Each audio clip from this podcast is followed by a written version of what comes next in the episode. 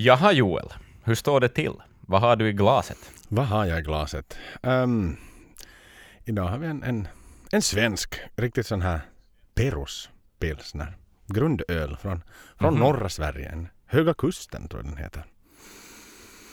Okej. Jag har inte smakat den. Nej, den, Jag kör på, kör på finskt postbastutema här. Lite alkoholfritt för en gångs skull. Eh, jag kör på Hartwall Okej. Vichy. Det bästa Vichy som finns. Och så äter jag en lakrits tutto Oj. till det. Så här låter det. Lite krispigt. Mm. det Sött och salt. Det, det låter Det är gott. Mm. Så, så du är laddad och du är på gott humör. Hör du, I'm in a killer mood. Där fick du till det. Där fick Mhm. du det. Jag har tänkt på det hela Det är ju dagen. kul att vissa får må bra. Så är det. Det får jag väl säga. Menar du att du inte mår bra? Så det är ju, jag vet inte. Det är ju lite pinsamt. Jag vet inte hur jag ska komma. Hur jag ska få det, få det ur mig.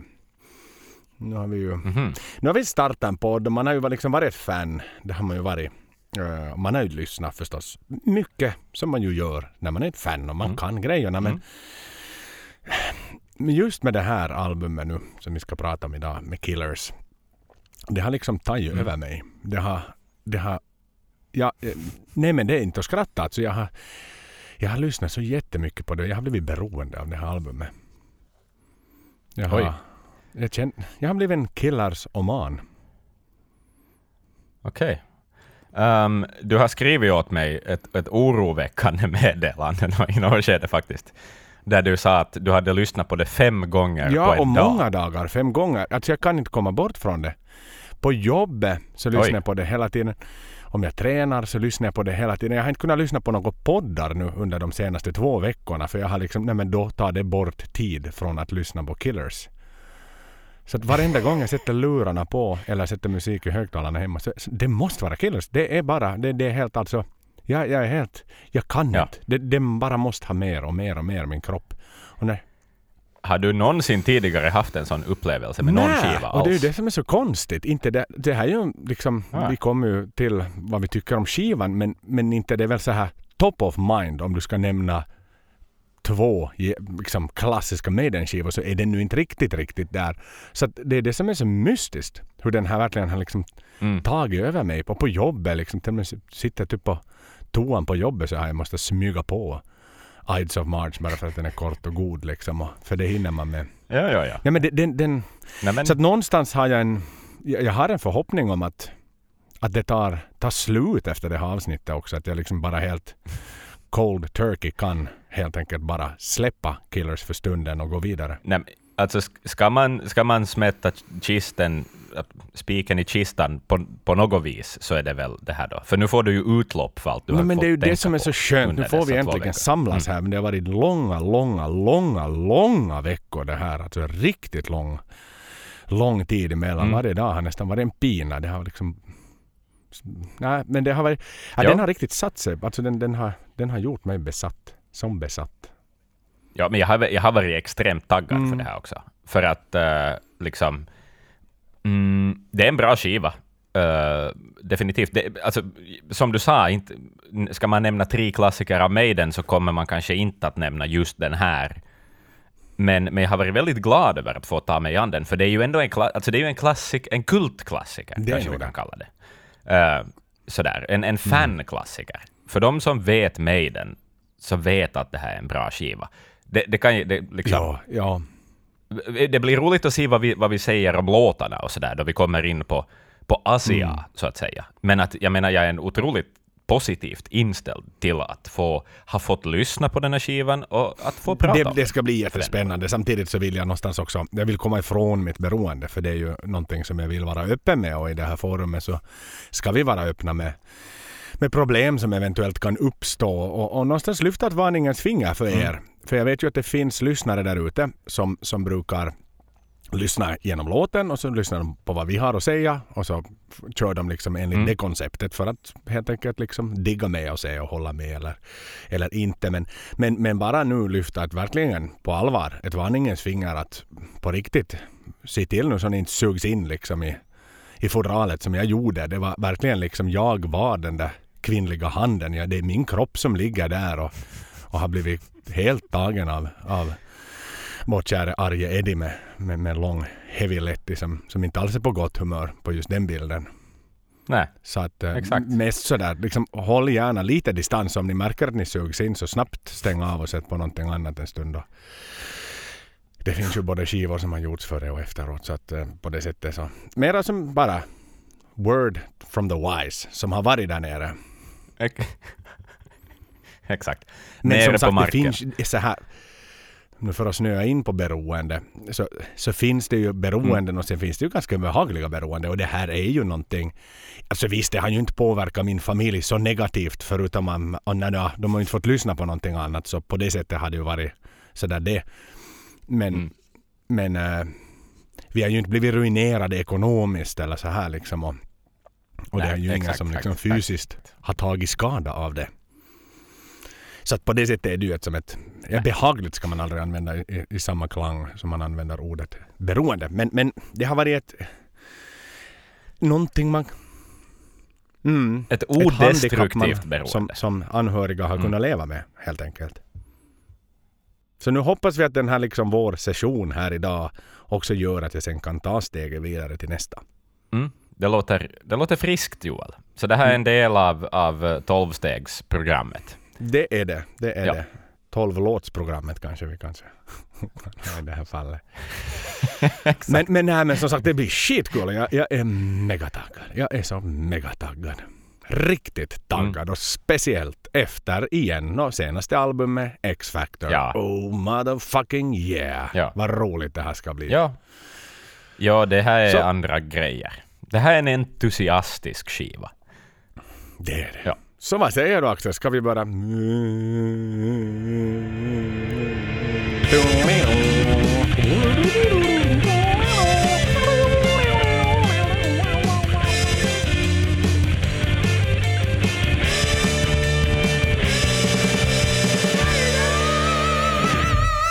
Hör du, dags att snacka allvar.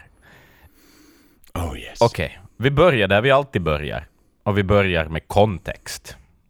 Joel, Mhm. Joel, och du är professor Maiden, som alltid, som har grottat ner dig i dina böcker. Jag har läst Wikipedia-artikeln. Eh, Mm. och lite annat också. Men, eh, men ja, var börjar man med Killers? Ja, var börjar man med Killers? Man börjar väl där den börjar. Men det finns ju, någonstans det här är ju ett, ett album som har betytt så mycket för mig. Den inte bara musikmässigt men, men kanske snarare i form av utformning, vad som hände sen, vad som skulle komma att hända Mm. och, och hela den biten. Så det är som ett det är ju ett komplex tid i Maidens historia. Mm. Hela den här Killers-eran egentligen. Definitivt. Och vad folk tycker om skivan, även inom bandet. Mm. Så har ju en, en liksom, det, det är ju inte bara liksom applåder och, och fanfarer när de steg ur studion och var klara. Utan det var mycket delade åsikter och delade meningar. Mm. Men eh, om vi nu börjar så här lite i, i tid, och, tid och rum som vi ändå brukar försöka placera våra avsnitt i. Så, så börjar man, man ladda upp då inför för Killers eh, i Battersea Studios i London i december 1980. Eh, där jobbar man på fram till januari 81 så, så man var där i två, två månader mer eller mindre och eh, det som väl kanske kan tilläggas redan nu är att eh, låtarna var färdigskrivna sedan tidigare. Mm. Så det här är ingenting Alltså det kan två månader tänk, kan tänkas extremt kort för att skriva låtar, producera låtar och banda låtar. Ja. Eh, Men i det här fallet så klev man mer eller mindre in och bandade.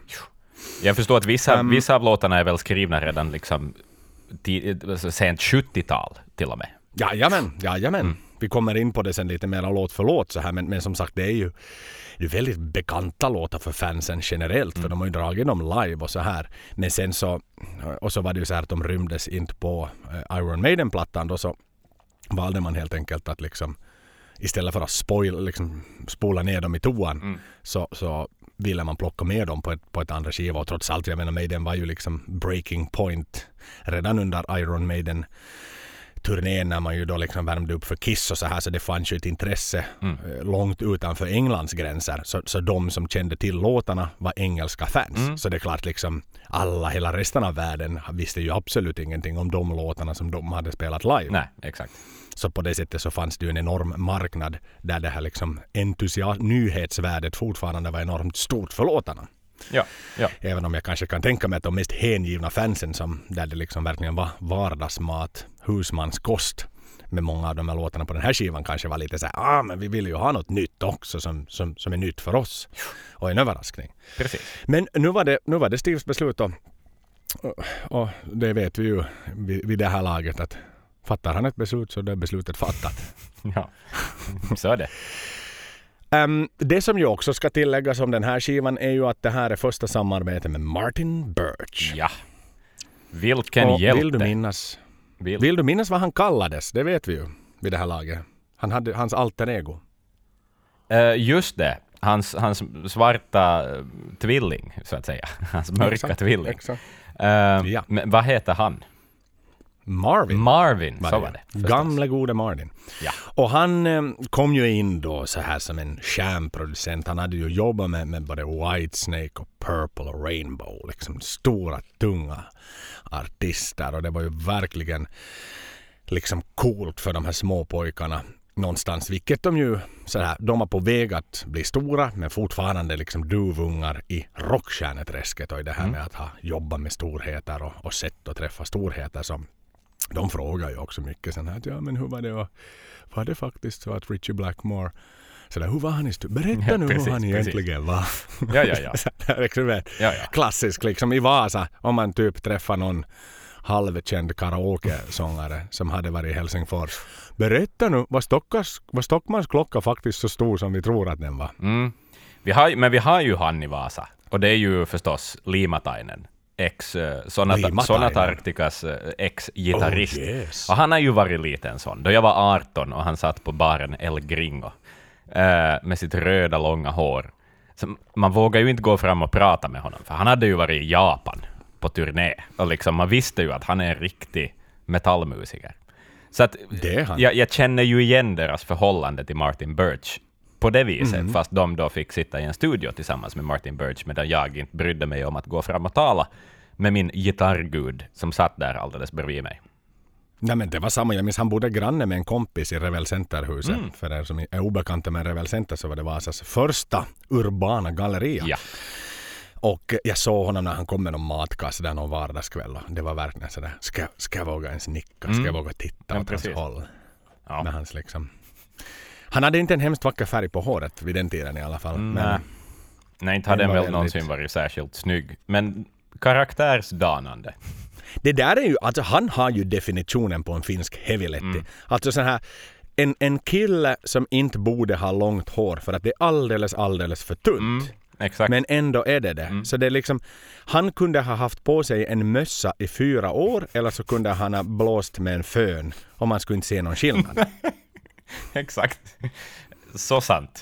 Precis. Och Mm. Men, det, så det, är liksom, det är riktigt en Nej, stereotyp men av så finska är det. Tuska Open Air 2004. Liksom. Ja, Då. hellre än bra. Exakt. Hur som haver, en annan så här graverande sak som ju då gjorde att, att äh, Steve verkligen var intresserad av att jobba med, med Martin var att han hade jobbat med Wishbone and Ash tre första skivor och Steve var ju extremt stor fan och högaktade ju verkligen Wishbone Ash. Så att det var ju liksom en sån här, no, nu har vi hittat rätt, nu blir det nog bra. Och de ville redan vid, vid, vid faktiskt första albumet arbeta tillsammans med Martin men då var det så att han var, han var dubbelbokad med andra helt enkelt. Så här, hans jobb egentligen då på Killers så, så gick ju egentligen ut på att den är ju extremt rå i sin egen komplexitet, Jo. själva skivan. Mm.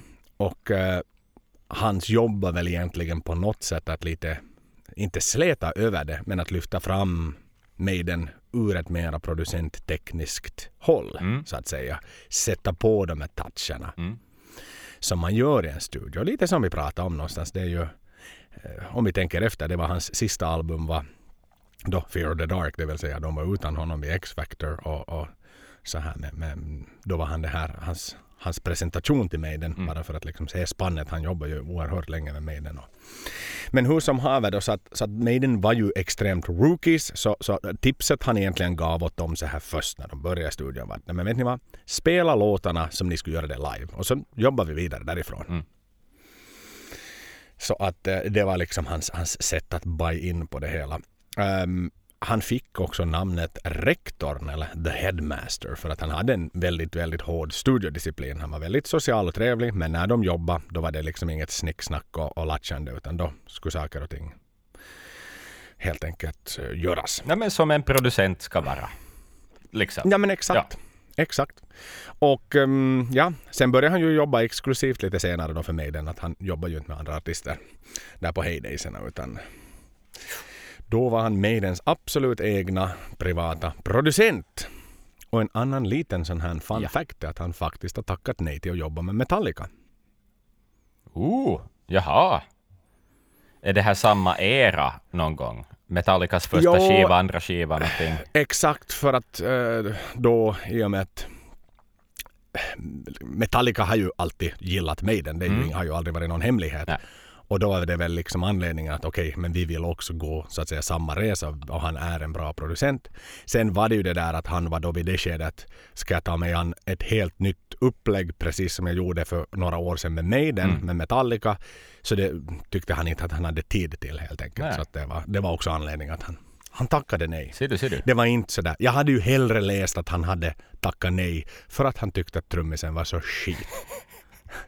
Ja, men det kan vi ha, det kan vi... Vi ska inte gå in på Lars Ulrich, men jag tror Nej, vi har kommit in på jag det förr. att du skulle säga att vi kan ha delade åsikter om det, det kan ja, vi inte exakt, ha. Ja, ja. Ja. Som ändå forna batterister som vi ändå är så, så kan man ju inte ha en delad åsikt om den saken. Nej, Eller? men...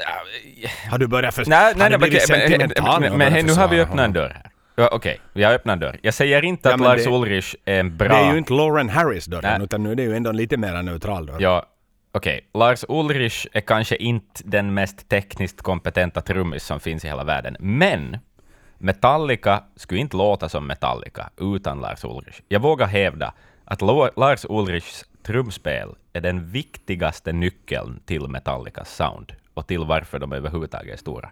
Skulle man byta ut mm -hmm. den som sitter på den trumpallen så skulle det låta som ett annat band. Mm, det var ett bold statement, ja. Mm. Jag tänker inte kommentera det ytterligare. Ja, det, det kan bli en debatt i Facebookgruppen kanske. Ja, mm. vi, vi, vi, släpper över den till, till nätet, den diskussionen. Det gör vi. Nej, nej, men som sagt, han är ju en trevlig filur och han är dansk och han har väl säkert gjort sitt för att sätta Norden på kartan lite mera också. Och ställer alltid upp på intervjuer. Ja, men det gör han. Han är ju verkligen en sån här intervjumaskin. Ja, det är sådana classic rock eller kerrang. Satan, vi, vi skulle behöva ha något namn och sätta på postern här. Ja. Då är det så här. Okej, okay, ring, ring Lars och fråga om han har någonting nytt. Ja, för han har bytt trum, trumpinsleverantör. Mm. Då är det liksom en stor nyhet. Yes. Changes from Vic Firth till, till, till någonting annat. Liksom det, och då är det det som är den stora nyheten. Precis. Han står där och visar sina trumpinnar. Mm till ProMark är det väl det exakt. konkurrerande bolaget. Exakt, ja. exakt. Mm. Så att nåja, nu, nu, nu, som sagt, som vi alltid säger, det här är inte en Metallica-podd utan det här är en Maiden-podd. Ja. Det är alltid vårt liksom, halvpatetiska sätt att försöka liksom komma tillbaka på banan Exakt. när vi är ute och slirar lite på, på vischan, vilket vi ju tar oss, tar oss tid att göra ibland. Då. Så är det. Det gör vi helt rätt. Det är min och din podd, Axel. Ja. Vi var lika Nej. vilsna som Lars Ulrichs trumfil. exakt, ja. exakt. Men nu är vi tillbaka. Oj, oj, oj. På Nikos pall. Sorry. Inte vi, Clive Burrs pall. Nikos vi är på Clive Burrs pall. Yes. Um, Paul då, för att titta liksom till honom, det eviga orosmolnet i nejden. Han är ju nog i sitt esse verkligen när det kommer till sång. Och både, både jag, men väldigt många andra när man läser, så, så vill ju konstatera att han har ju aldrig låtit så bra som han gör på den här skivan. Mm. Nej, ja. Och frågar du mig helt personligen så har han aldrig någonsin låtit så här bra efteråt heller. Nej. Ja, lite fakta. Skivan gavs ut 2 februari så det var ganska snabba boliner. De var klara i januari. Mm. Så att jag tror inte att det var hemskt mycket tid som Martin hade att, att mixa skivan. Mm. Men då var det ju snabba. Det var ju på ett annat sätt på den tiden. Det var ju liksom analogt och, och så här. Att, in, inte satt man väl och hyvla lika mycket som man gör idag Nä. finished product. Exakt, och allt skulle tryckas på band i alla fall och sånt. Och man kanske inte hade hur mycket band. Det var ju en resursfråga också. Man, liksom, Michael Jackson kanske hade råd att göra hundra mixar på thriller, men Maiden hade nog inte råd att göra det på det viset. Maiden hade inte råd att göra. Han hade 100 mixar på thriller, men Maiden hade 100 mixar på killer. Kanske tri, kanske tri mixar. Dåligt rim. Ja. Eh, och sen förstås kan jag ju tänka mig att liksom distributionsflöden och hela den biten, alltså du har bokat plats i, i hos den tryck vad heter vinyltryckaren Yes. och så här och kassettgrejerna. Det är ju liksom så jävla många som står och väntar på kö. Så att du har den där timelinen på ett annat sätt. Det är ju inte som att du bara kastar ut någonting i ett moln och så har miljarder access till det. Utan det var ju som ett flöde på något sätt också som ska planeras. Så att man behöver säkert hålla det ganska tight i alla fall. Exakt. Ehm, som sagt, 2 februari 1981 kom den ut i Europa. Eh, först fem månader senare, hör och häpna, i, i USA. Mm. Ehm, så att eh, det är också en intressant grej. Eh, då så satt man som en sån här liten tack för att ni väntade. Så dunkar man in Twilight Zone som ett tillägg på den amerikanska utgåvan som då sedermera också kom som en singel. Eh, speaking of singles så ska det faktiskt läggas till här att eh, man inte gav ut någon singel innan man gav ut skivan. Ja, Utan singlarna kom efter att albumet var släppt. just det. Vilket jag nu utan att veta skulle nästan våga gå här och påstå att det var enda gången Maiden släppte albumet först och singlarna sen. Ja, det är okonventionellt. Ja, men det var väl igen, kanske det var så tajt. Jag menar man gick in... Inte skulle man ha gick man in hunnit. så Hur skulle man ha hunnit? Men varför gick man in så jävla sent i studion då först i december? Bandade december, januari med lite juluppehåll. Skivan ut andra februari. Du skulle inte ha hunnit få ut en singel. Den skulle ha kommit ut typ två dagar innan albumet och då Ja, ja, ja. plus minus Exakt. noll så här. Då hinner inte folk ändå köpa och lyssna på den och bygga upp en Men hype. marknadsföringstänket kanske inte riktigt var där med den här skivan. Nej. Eller det, det blev Nej. för hossigt. De skulle ha ut en ny skiva. Och kanske Det inte var ju det, hela vägen ut. Mm, Nej, och såklart de hade ju liksom EMI och, och det var ju stora grejer. Det var, förstås ju. det var du- det klass. Det här är ju också, nu ska vi inte glömma bort, det här är det absolut mest kritiska album nummer två. Helt sant. Och vi vet alla att album nummer två är det album där du på riktigt visar vad du går för, vem du Yes. är och vart du ska. Ja. Hur många band har inte gått i fördärvet vid album nummer två? Så många. Alltså så otroligt många. Jag har själv slutat lyssna på många band efter album nummer två. Nu kommer jag inte på ett enda exempel, men eh, sådär. Säg att jag var 12 och lyssnade på Limp Bizkit eller någonting, så hoppar jag säkert av efter andra albumet. Nej, det, det är ju liksom, det är ju, det är ju verkligen den här make or break det, Mm. grejen. Första albumet, allting är hypat, det är kul. Du har dina låtar som du har spelat tidigare som har gjort att du har blivit känd. I Mm. det här fallet så är du kanske lite slukt, kanske. I och med att de hade sina låtar som hade gjort dem kända och så satte de dem på ett album och på ett till album. Ja. Så det kanske egentligen kan det vara Maidens räddning. Inte var det ju som att det blev skit efter det heller så att liksom Nej. Number of the Beast egentligen var album nummer två där man då så att säga var tvungen att producera och skriva nytt material. Ja. Men för den är ju också sagolikt bra. Ja. Så i Maidens fall är det väl bara det att det är ren och solid kvalitet. Mm. Vilket gör att de helt enkelt har är det band de är idag. Exakt. Exakt. Singlarna som gavs ut senare var då Twilight Zone då, den som släppte, kom på Yankee-skivan och Purgatory. Mm. Så det var de två singlarna som släpptes. Ja, Gällande singelval så är det ju på det viset lustigt för att inga av de låtarna hänger ju kvar idag. På, Nej. på setlistor och sådär. Det är ju inga hits längre på det viset. Nej, nej. Så att, eh, Absolut inte. Jag menar, Wrathchild skulle ha varit en tippning på en singel. Ja, ja. Om jag inte Ja, ja, skulle ha hade jag vetat. gissat. Ja, Nej men samma här. Hade jag gissat så hade ju som, den hade ju varit given ja, såklart. exakt. Och ja. Killers också kanske som en annan singel då. Mm. Ja, men omslaget kom du in på. Ehm, Ja, jag tänkte om du har några reflektioner kring det. Du har tidigare pratat om att du tycker att det är lite ur tiden och vulgärt eftersom det är en kvinna som är ett offer. Ja, men det är ju också hela tema för hela skivan om man kollar textinnehåll ehm, på något vis. Så att det är ju... Uh, det säger ju lite vad man får, eh, nog. Och sen kan jag tänka att det kompositionsmässigt är ett väldigt snyggt omslag. ehm, på något vis. Jag tycker att det är ett snyggare omslag än första skivans omslag. Eh, jag tycker är det, Derek, det är det. Derek har gjort ett bättre jobb uh, på det viset. Och Derek har hittat sig i Eddie på något sätt också. Man, man Ja. får ju lite tänka det att det var ju Dereks första Eddie för, Mm. för uh, första albumet då. Det är klart att han har lite hittat formen och liksom vet, börjar lära känna Eddie-karaktären så att säga. Och, Ja, och och så så, här. tycker jag att Eddie, Eddie har en, en min som är lite som att han har ångrat sig. Har du tänkt på Mhm. det? Är inte Ja, väldigt glad eller väldigt sådär upphypad, utan är lite, det finns en liten, liten, på något vis i, i mungipan, ett, ett, litet uns av, av ånger. ja men han kanske inte känner sig så tillfredsställd över det han Nej. har gjort. För Nej, det är ju också, om du exakt. nu lyssnar, nu går vi händelserna i förväg, men om du Mm. lyssnar på det är ju en väldigt komplex story, alltså låten Killers. Det handlar Ja. ju om att liksom, oh God, what have I done? Liksom. Mm. I've done it again. Liksom. Yes. Det är ju inte så här att en mordmaskin som bara vet du, njuter och liksom masserar in sig i offrets blod liksom, och sjunger någon sån här absurd dans. Utan nej. det är ju någonstans liksom konstant ifrågasättande och, och samvetskval. Men Ja. där talar man om ett beroende på ett annat sätt. Mitt Ja. Killers-beroende är ju ett snällare beroende än vad Eddies Killers-beroende är Mm. på skivan. För han är beroende av att döda människor. Han Exakt. hittar sina offer och bränner dem med ögonen i ryggen på tunnelbanan och så stalkar han dem till en tyst, lugn plats. Och så tar han en yxa som han har gömt med sig och dräper dem helt enkelt. Det är så mörkt. Åh. Det är ju Ja. jättehemskt. Nej, men, ja, men det är ett fint omslag. Och, och där, jag menar, nej, det, är- det är ett snyggt omslag. Ruskin Alltså, Arms gömmer sig med där och mm, referens till Charlotte the Harlot också med den här sexbutiken. Och, precis. som är precis. ditmålad och sådär. Så att, Ja. men det, är ju, det, alltså det är en deppig, jätte, ikonisk. En av, jag skulle säga att en av Maidens mest ikoniska Eddies. Ja, så här, jo, jo, jo, liksom. Och när man tittar på tryckta t-skjortor så tror jag att den ligger extremt högt upp i så här antal sålda t-skjortor. Det är ett klassiskt motiv.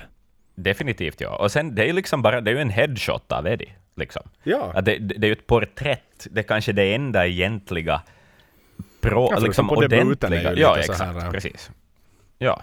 Men, Men, så är det eh, är det i fokus. Men men han har kammat håret lite grann, liksom, för, för nästa Ja. skiva. Mm. Exakt, exakt. Så att han är ju lite snyggare. Det är lite Exakt. sådär, ja men jag gillar det. Alltså det är ju lite sån här det, han har ju nog mycket snyggare frilla än vad Jani Limatainen har till exempel. Absolut. Trots att han är en levande död, eller någonting i den Exakt. stilen. Mm. Sen har jag en reflektion. Till dig. Eh, någonstans jag har inte släppt X-Factor riktigt. Men, Mm. men frågan föddes som så här. Varför gick inte Steve back to basics när man gjorde X-Factor? Varför gick han inte tillbaks till The Killers era? Ja. Det skulle ju ha varit det logiska. Jag försöker tänka vad andra band gjorde då, om vi då jämför med Metallica, som på något vis ändå alltid kommer att vara där på silverplats. På något vis. Men, alltså inte i mitt eget tycke, men i vilka band från 80-talet som har blivit väldigt, väldigt stora. Ehm, de gjorde ju osmakliga skivor också. Jag menar, skulle vi göra en, Meta- skulle vi göra en Metallica-podd, vi kommer aldrig att göra en Metallica-podd, men vi ska också sitta och snacka skit om Unforgiven 2. Och, och liksom, det skulle vara lika eländigt. Men det skulle ju ha varit det smarta. Men de kommersialiserade. Där gick ju Metallica gick ju helt klart liksom de gick, Läng- de gick ju längre. Basics. De Nej. gick längre. Ja. De gick, de sålde ut sig. Ja, exakt. Medan Maiden fortfarande hade haft sin kredibilitet om man hade gått tillbaks till det här lite punkaktiga Mm. hårdrocken som ändå kanske Sen var den ju melodisk och vi kommer in på det. Jag tycker Mm. att det är ett sjukt tekniskt album det här. Ett så jäkla tekniskt album. Så att det är Verkligen. ju liksom långt ifrån punken men du har inslagen och vad jag nu bara anledningen att jag ens liksom tog upp den här diskussionen var väl mer att Blaze var ny. Han var en Mm. bariton. Han är inte en, en, en ren och skär Bruce-ersättare. Det här Nej. funkar uppenbarligen med Paul som också var lite baritonaktig och lite hes Ja. och så här. Och vi visste att det hade funkat med Blaze tidigare under hans hans tidigare karriär så sjöng han Ja. mera rockigt, det var lite glammigt. Så varför gick man då inte liksom lite förenklade musiken, konceptet helt enkelt och körde mera to the point, rakt på. Mm. Ja, exakt. Inga Om man ser på vad- nu jävlar. nej, exakt. One, two, man- one, two, three, four. Exakt. Ser man till vad som var trendigt på 90-talet också, så HC-punken fick ju en, ett, ett uppsving. Eh, det kom en ny våg med, med hardcore-punk, och, och Mm. grungen var ju liksom slarvig och punkig i sin, i sin själ på något vis. Att den skulle ha platsat bättre. Ja. Eh, Men tänk- tänk vad men det, det är intressant. kul, det är kul spekulerande faktiskt. Ja. Ett intressant resonemang om då, så att säga, Killers 2 hade Mm. gjorts, tagit istället för X-Factor. Det kan ju vara att Mm. det hade varit riktigt förbannat bra. Ja. Ja, det kan det. Men, ja, det, men nåja, vi kanske ska sluta snacka X-Factor, men jag antar ändå att Bru, alltså, eh, skilsmässan kanske ändå är den starkaste prägeln. Ja, ja, ja så, Sådär. är det. så är det. Ja. Det var en liten kort tanke vi ska Ja, men det är intressant. Det. Det var en intressant uh, tankeställare. Det var det. Mm. Nåja, vi har lite informationen nu så här innan vi, vi hugger tänderna i, i, i, i själva, själva låt för låt-delen. Mm. Eh, du är ju alltid intresserad av listor vet jag, så därför har jag tagit fram lite information om skivan, hur den, hur den gick. Ja. I, I England och på hemmamarknaden så, så hade den en högsta position på nummer 12 Mm. på deras placering. Och i USA, på deras Billboard, så var den på en peak på 78 plats. Mm. Sverige, hör och häpna, så var den på plats 11. Mm. Högre. Norge 19. Mm. Och nu då, nu är vi inne på, på det land som jag vet att du förvänt, liksom egentligen har. Förväntningarna är högst och det är det enda resultatet du vill höra. Finland då. Mm. Plats nummer 18. Nej. Var Sverige... Här, Placera Sverige högre? Det här är ju en skandal alltså. Det är en skandal. Det är en skandal. Men det, det ska inte Kom komma att... fan en skandal! Ja. Operationen var ju planerad in i minsta detalj och så spricker den. Exakt. Men det ska inte komma att upprepas, vågar jag hävda. Vad en det Wallenberg har sagt. Det här är riktigt skamligt. Det här är riktigt skamligt. Wallenberg har säkert köpt in en massa skivor bara för att han ville vinna Finland. Högst Han antagligen. opererade ju på den tiden och höll på där med, med de här jävla diamanterna. Mm. Det är säkert för diamantpengarna han har köpt skivor. Alldeles säkert. Högst Alltså det, här, det här är skamligt. Det här är riktigt skamligt. Det här är knockout av Sverige Ja, men okej, Finland. om vi ska tänka spekulera lite här då. Så tänker jag att Sverige är före i utvecklingen. Det här är en skiva som når Sverige lite före, för att Sverige har en vurm för det internationella på ett annat sätt än Finland har. Finland kommer lite senare, man kanske inte har tagit in hårdrocken i hjärtana riktigt ordentligt. Men då hade Finland tiden. gjort sin första spelning i Uleåborg Ja, tidigare på festivalen. Den dyraste artisten som festivalen då tog in. Jag menar man hade varit faktiskt varit i Finland och headlina hela festivalen där uppe Mm. Och- sommaren innan. Dessutom vet vi ju också att Finland, i hela festivalgamet så var ju Finland före Sverige. Uh, Ruisrock hör ju till en av till och med världens äldsta rockfestivaler. Den Mm. ordnades väl för första gången typ 1970. Jag kan ha fel i det här, men det var en av Europas första rockfestivaler. Som ju bland Ehm. annat var ett av stoppen på Brave New World Tour. Faktiskt. Exakt. Det är ganska kul att det var, Finland, att det var en festivalspelning som var, Exakt. som var den anhalten. Vi kanske har Så att, som ehm, ja. Men det, som jag sa, det ska inte komma att återupprepas. Så att, ehm, helt okej. Hoppas Bandets, jag bandets andra skiva, de var nya, de var nya fortfarande. Det är helt okej. Och Sverige var faktiskt näst bäst av alla. Det var bara i Tyskland som den pikade på plats 10. Ja, men vi får väl säga grattis Sverige då, i så fall. No, no, grattis Sverige. Vi gör Ja. det faktiskt. Den.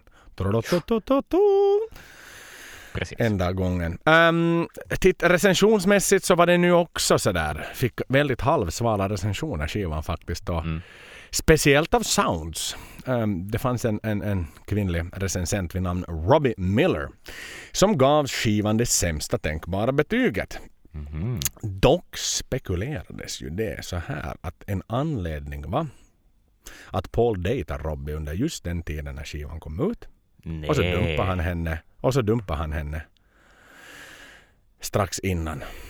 Och så skulle hon in och skriva en recension. Så frågan är om hon recenserade sitt förhållande till Paul eller om hon de facto recenserade Killers. Det måste ha påverkat omdömet. Det är klart det det har gjorde påverkat det. omdömet. Det är, helt klart självklart. det gjorde ja. det. Jag, jag kände inte till det här. Jag kände absolut inte till det här. Mm. Mm. All right, all right. Mm. Då är det så. Hör du, min vän. Ja, Låtarna då. Ska vi, ska vi ge oss i kast? det gör vi. Nu är det dags. Så här tittar man lite debatterats lite så här att är skumman eventuellt kunna kategorisera Killers som ett konceptalbum? Mm. Eftersom väldigt mycket handlar om död på den här skivan. Så är det. Och- Ehm, Ja, ja, ja men, definitivt. men, men inte det ju det. Utan Maiden har ju bara gjort ett endaste konceptalbum hittills. Så det är Seventh Sun over Seventh Sun. Det är Yes. deras konkreta sådant. Så att det, temat är temat då. Killers är ju ett extremt passande namn på albumet. Jo, För det handlar om död och det handlar om mycket död och det handlar om mörker. Men på ett helt annat sätt än X-Factor. ja, ja, ja, ja. Definitivt. Men det här är på ett, naivt, ungt sätt. Ides of March. N48. Skriven av Steve. Det här är Maidens absolut kortaste låt genom tiderna och är en av fyra instrumentallåtar som Maiden har spelat in. Mm. Minns du vilka de andra är? Um, Isles of March, um, Genghis Khan, förstås. Uh, Big Orra. Yes. Och från första skivan, Just det. Um, no, The We- Werewolf. just det. Var kommer han? Dracula. Ja, eh, exakt. Transylvanien. Tack, Transylvania. Yes. Och det här var ju då, som vi var inne på, det är ju inte en nyproducerad låt. Utan den kan ju spåras tillbaks till livespelningar så tidigt som 1977. Mm. Och hör och häpna på detta Axel. Nu ska vi lyssna på låten.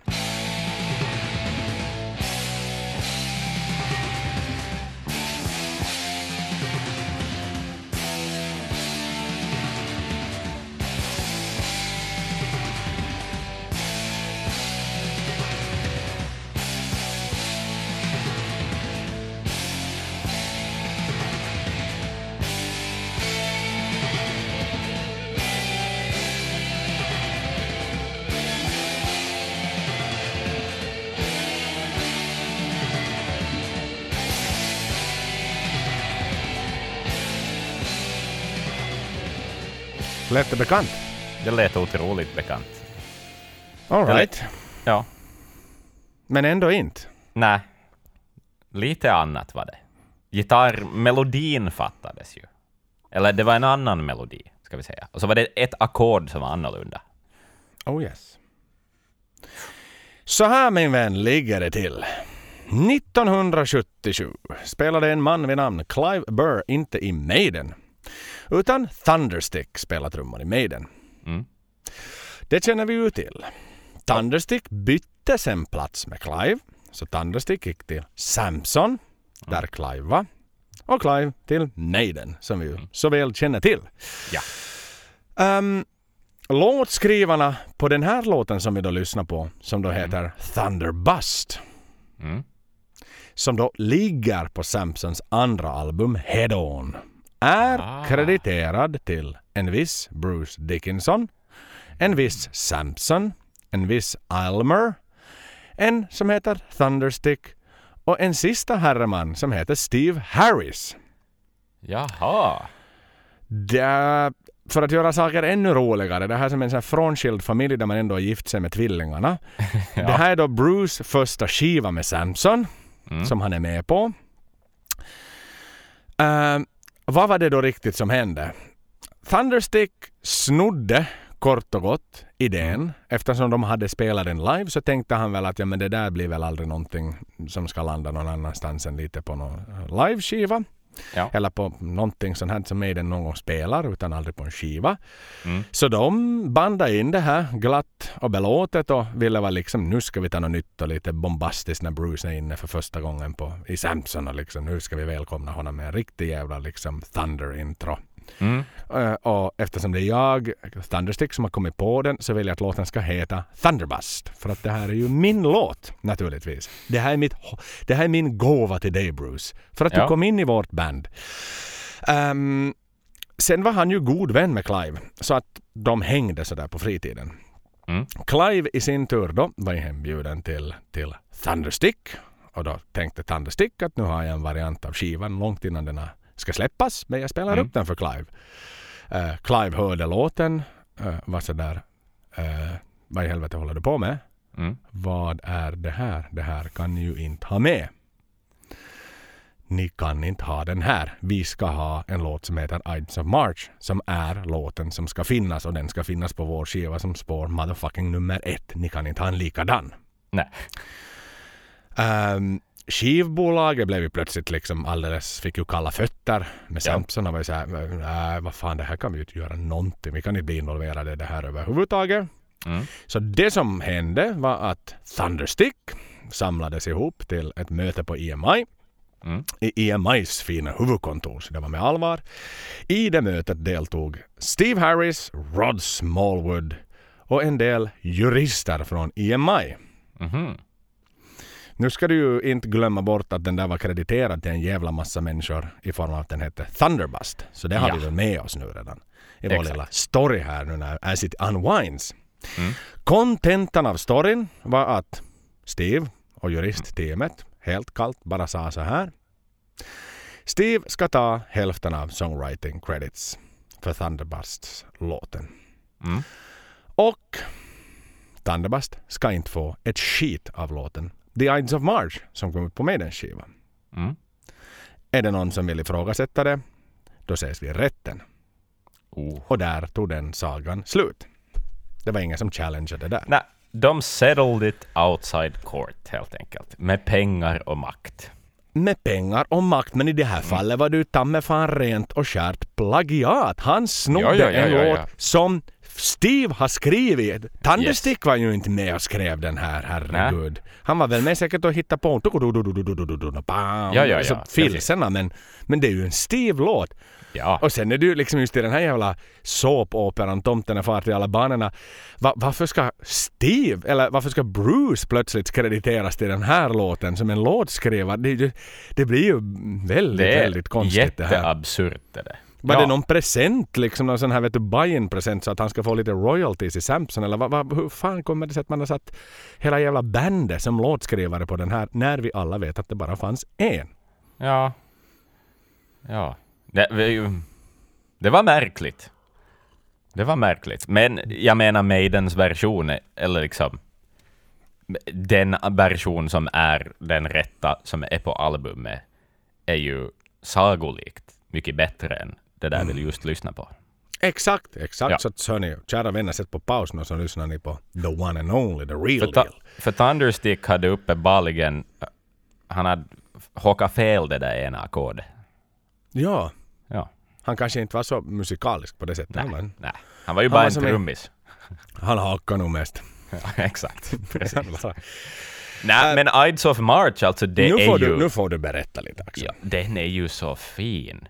Alltså, första gången jag såg Maiden uh, live var då uh, Early Days-turnén. och då Oh, var det yes. ju, det var ju intro till spelningen. Mhm. Och, och, och From rec- record dock var det väl? yes, det var, det var play, liksom, som, en- som en intro-tape var det. Men vilken öppning ändå. Den sätter ju en stämning och en bygger en förväntan och är så vacker. Det är ju en anthem, alltså det är ju en anthem till det här bandet. Det är som en marsch Mm. som, som, som är till för mig den med gitarrstämmorna som är så fina. Och trumfillorna i sin marschaktiga metal-tomfillighet. Det, det är så bra. Och den är... Och så växer den. Och sen vad den flyter in i. Det är så bra. Det är en så bra albumöppning. Är det nu så förbannat högtidlig alltså? Ja, exakt. När jag, nu Axel, när jag dör. Mm. Jag hade Nu tänkt jag- komma dit. Jag hade tänkt komma dit, Joel. Men berätta vad som händer när du dör. Nå vet du då kistan bärs. Mm. Så då ska den här fucking låten spelas. No, men vad bra. Ja. För då, då, men då gör vi.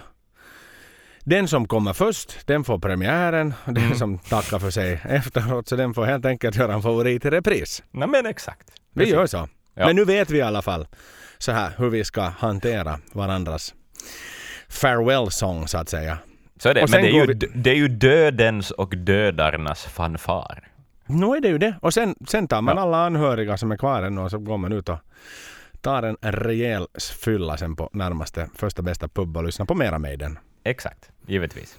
sådär, nu har jag liksom gett ut mitt, det är ju inte testamente men i alla fall min liksom, min farewell-sång. Så är det, och du har sagt det i offentligheten och det finns vittnen. Ja, och det finns dokumenterat nu så här för all framtid på nätet. Ingenting Mm. försvinner därifrån. Nej, men jag tycker ju också att det är ett sånt liksom maffigt, bombastiskt mästerverk. Det är ju liksom, det är ju John Williams kategori, Ja, Hans ja, Zimmer kategori på det här. Det är ju sån här hjältemusik. Ja, Och, och, och då liksom bara två palacasters, en bas och kanske en bongotrumma om de mm. hade tagit med sig han från, från Daves första band. Men nu är det ju Clive. men, men det är ju så stort. Det här är ju på riktigt en av de riktigt största öppningsspåren som Maiden någonsin har presenterat ja, sig ja, ja, med. ja, ja, ja. Jag måste ju definitivt. säga det. Vi har Ja. varit inne och naggat i kanterna mycket på första låtar. Men just den här, det är ju vilken presentation. Vilket visitkort alltså. Ja. Who the fuck needs a singer? Wow! Ja. Någonstans gästas Amanda. Ja, eller hur? Det Ja. är truly impressive. Det är nog det. Nej, Och- jag har ingenting negativt att säga om det här. Nej, nej det, här, det här är en minut och vad det nu var. någonting 48 sekunder. True happiness. Det. Kortaste låten och absolut en av de absolut bästa öppningslåtarna har- någonsin. Jag har ingen aning om vad AIDS är för någonting. Men det är en Mitt snygg mars. titel i alla fall. Mitt i mars betyder det. Mitt i mars. Okej. Och den sägs ju då handla om mordet på Julius Caesar. Ah, Som då dödades där kring. okej. Okej. Sådär, så det finns en historisk referens alla Steve som vi ju känner till naturligtvis även om den liksom ordagrant inte sägs på det sättet. Exakt. Och Snyggt. vi är ju ganska tajta med Julius Caesar. Vi åkte ju ändå förbi Caesars Palace Exakt. i Vegas. Så att vi... Vi såg hear han, har, you. va- vad han har levt och var han har bott. Exakt, exakt. Så att vi har ju lite... Vi har ju något gemensamt med den här låten, bara en sån sak. Exakt. Det är liksom lite... Så det igen stärker det här vår begravning. dör. Givetvis.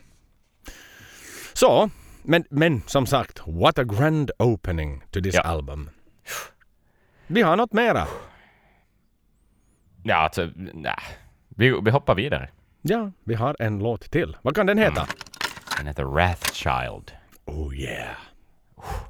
Skriven av Uh, jag har inte framför. Steve. Det är ganska enkelt. Jag ska ge dig ett litet tips Axel. Mm. Steve har skrivit allt på den här skivan. Sen finns det ett inslag som också har en till skribent. Bara så, så du vet. Så nu kan du bara med självsäkerhet säga Steve och sen vid Bra. den låten där den andra människan har varit med och skrivit. Då är jag snabb och hugger in på det. Okej, okej. Säg. 2.55 klockar den in på. Kort. Punkigt. Mycket kort. Ja. Men det är så bra. Alltså, det basriff. Alltså, fatta då folk hörde den här skivan för första gången. Man har just fått denna majestätiska öppning. Och sen börjar Steve och smattra på strängarna. I ett enkelt, men ikoniskt riff. Det är så bra. Mycket. Bas, trum, intro, riff. Ja.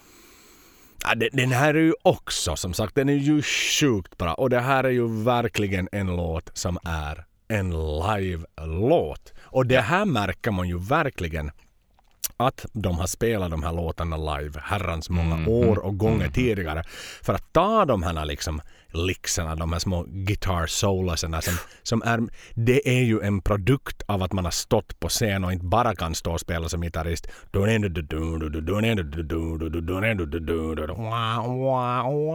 Alltså det är ju så Exakt. jävla bra! Och hur Ja. den också liksom har utvecklats idag med, med liksom Tres Amigos fram till idag. Alltså det, det finns ju inte en del där som inte har någon sån här improviserad gitarrdel. Och den Nej. är ju så shitty, den är ju så jäkla liksom Fuck you world, I am a free man. Liksom, Ja, yeah, rock and roll of lifestyle. Ja, ja, ja. Exakt.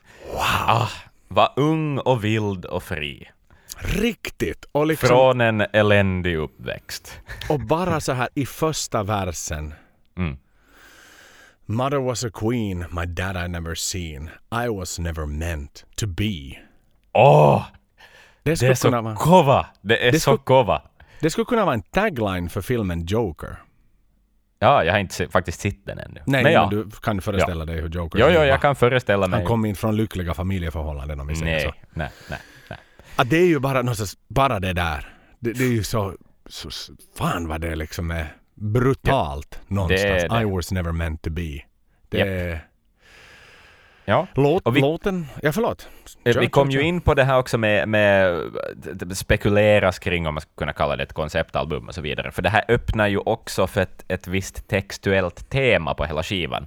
Att hela skivan är ju skriven ur ett jag-perspektiv. Alla texter är skrivna ur ett jag-perspektiv. Mm. Och, och, och liksom att där... Det, det blir ju lite en sammangående story. Och, Mm. och det är så... Nej men det, det är kova. Det, och jag tror på Paul på något vis. I hans, I hans punkaktiga sätt att vara också, så sitter de här... Det sitter bra i hans käft, den här låten. Mm. Bara. Nej, det är ju det är en ohyggligt bra leverans av Paul. Alltså, det, det är en sån trovärdighet och en sån attityd som han levererar det här. Alltså det här är nog så här Maidens, en av Maidens finest hours vill jag ändå säga här med facit på hand. Och liksom man får väl ta bit för bit på något sätt. Så det, det, man kan inte liksom nu sitta här och peka på en 40-års karriär och liksom bara ta allting liksom sådär som man skulle lyfta upp sand i en sandlåda lite på måfå. Utan det här är ju ett, ett oerhört viktigt ögonblick för Maiden. Och verkligen hur, hur man liksom har drillat in Paul som ju någonstans alltid har varit den här lite motsträviga. Han, han var ju punkaren. Han har ju all, alltid liksom gått ut med att det är punk han är. Han är inte en hårdrockare. Men hur man någonstans har, har då tämjt det vilddjuret Paul på den här skivan för att någonstans, och sålt in konceptet till Paul. Det är melodiskt, det är tekniskt. Men, men han har ju köpt in på det här för han ja, ja. levererar ju. Han är ju så inlevelsefull i det här. Ja. Ja. Ja. ja. Så det, det är ju alldeles fantastiskt.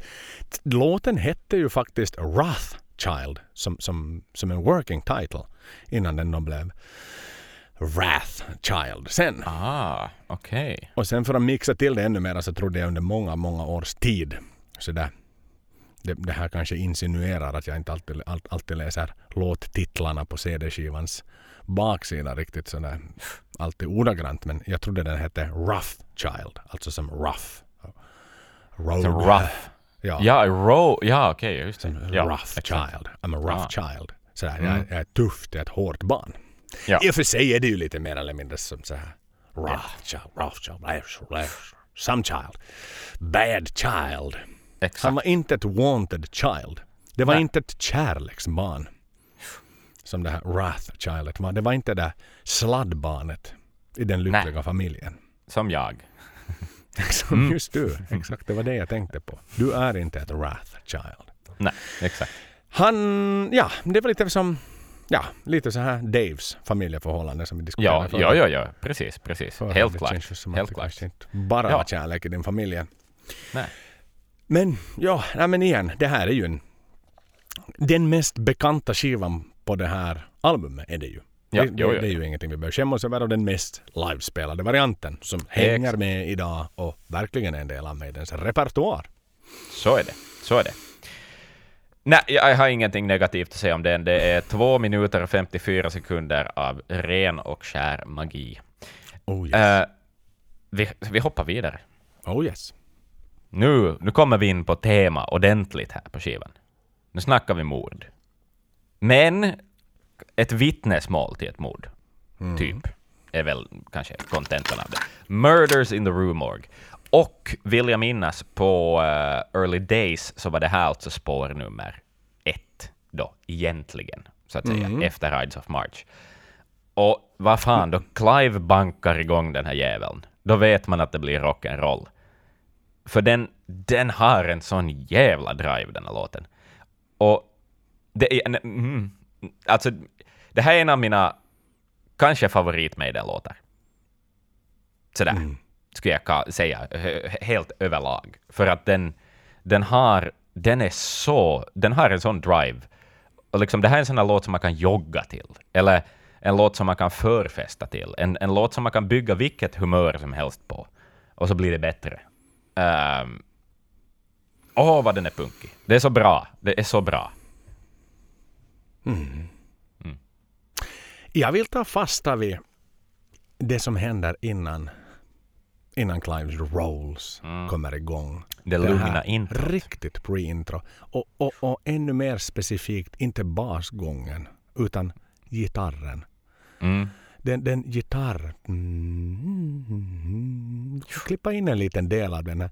Den är, så, den är försiktigt försiktiga. Alltså, det, det är så hypnotiserande. Ja, Jag, hade, ja. jag hade nästan velat att vi skulle ta ut en del av den och satt den som en helt egen låt som aldrig skulle lyfta mer än så. För Det är bara som så- en ambient piece. en ambient. Ja. piece. För det är så, alltså jag skulle kunna loopa, klippa, klippa den biten och bara loopa den mig till sömns. För den är Ja. som, det sätter mig nästan i trans. Glöm inte att, vi har varit jätte, att jag är beroende av den här skivan. Alltså det har varit en, ett, ett element där... Jag kan föreställa mig liksom att en tung narkoman Mm. Man har ju olika faser av när man skjuter upp sitt heroin i armen. Och Mm. jag kan föreställa mig att det här är när lugnet lägger sig. Mm. Liksom mm. sådär när du kommer till ro. För det finns ju en Ja. anledning att man använder heroin. Man är beroende om man tycker om det. Men, men, men det här är liksom den delen av mig. Det är liksom, du vet, lugnet före stormen som ändå Mm. är så, det, det är så harmoniskt. Det, jag, alltså verkligen, jag, jag, tycker jättemycket om det. Och Ja. sen då förstås, som du var inne på, när låten vävas in i ett melodiskt paradis. Och den liksom, Paul, den går in i attack mode. Paul Yes. låter som en jävla maskingevärsdans. I symbios då med Clives offensiva trumspel alltså. Ja. ja. Oh, det, det, det här är full motherfucking fart framåt. Det är gasen i botten. Det Yep. alla, all liksom fucking engines on, full mode. Mm. Det, det, det är full bloody fart på det här. Ja. Jäklar, när har Maiden röjt så här pass mycket tidigare? Det, det, nej, exakt. Och det är en sån rifffest också. Ja, att det allt finns- det här som sker i, i, i riffena som kompar Paul. Så det finns såna små sköna unisona grejer som de gör som är så samspelt och så snyggt och så väl genomfört och så väl genomtänkt. Som är, ehm, det är bara så kova. Det, det, är ett sånt, det, liksom, det kommer med ett sånt besked. Det är en sjukt fantastisk låt alltså. Ja. Och än Ja. en gång liksom verkligen. Den här har så växt på mig. Jag tyckte om den här låten och den var jävligt cool på early days när de spelade. Men verkligen Mm. liksom, nu när man sitter så här, lyssnar på den i studiomiljö och Martin Birch liksom, vilken touch han har satt på den här. Ja, ja. Wow! Ah, jag, jag har inget annat att säga än att mycket nöjd. En mycket nöjd kund. Jo, detsamma. detsamma. Skulle vi göra en, en net promoter score så skulle det bara ligga högst upp just nu. Ja, men så är det. så är det. Så är det. Hittills är, är det fulla poäng i net promoter scoren för, för Killers.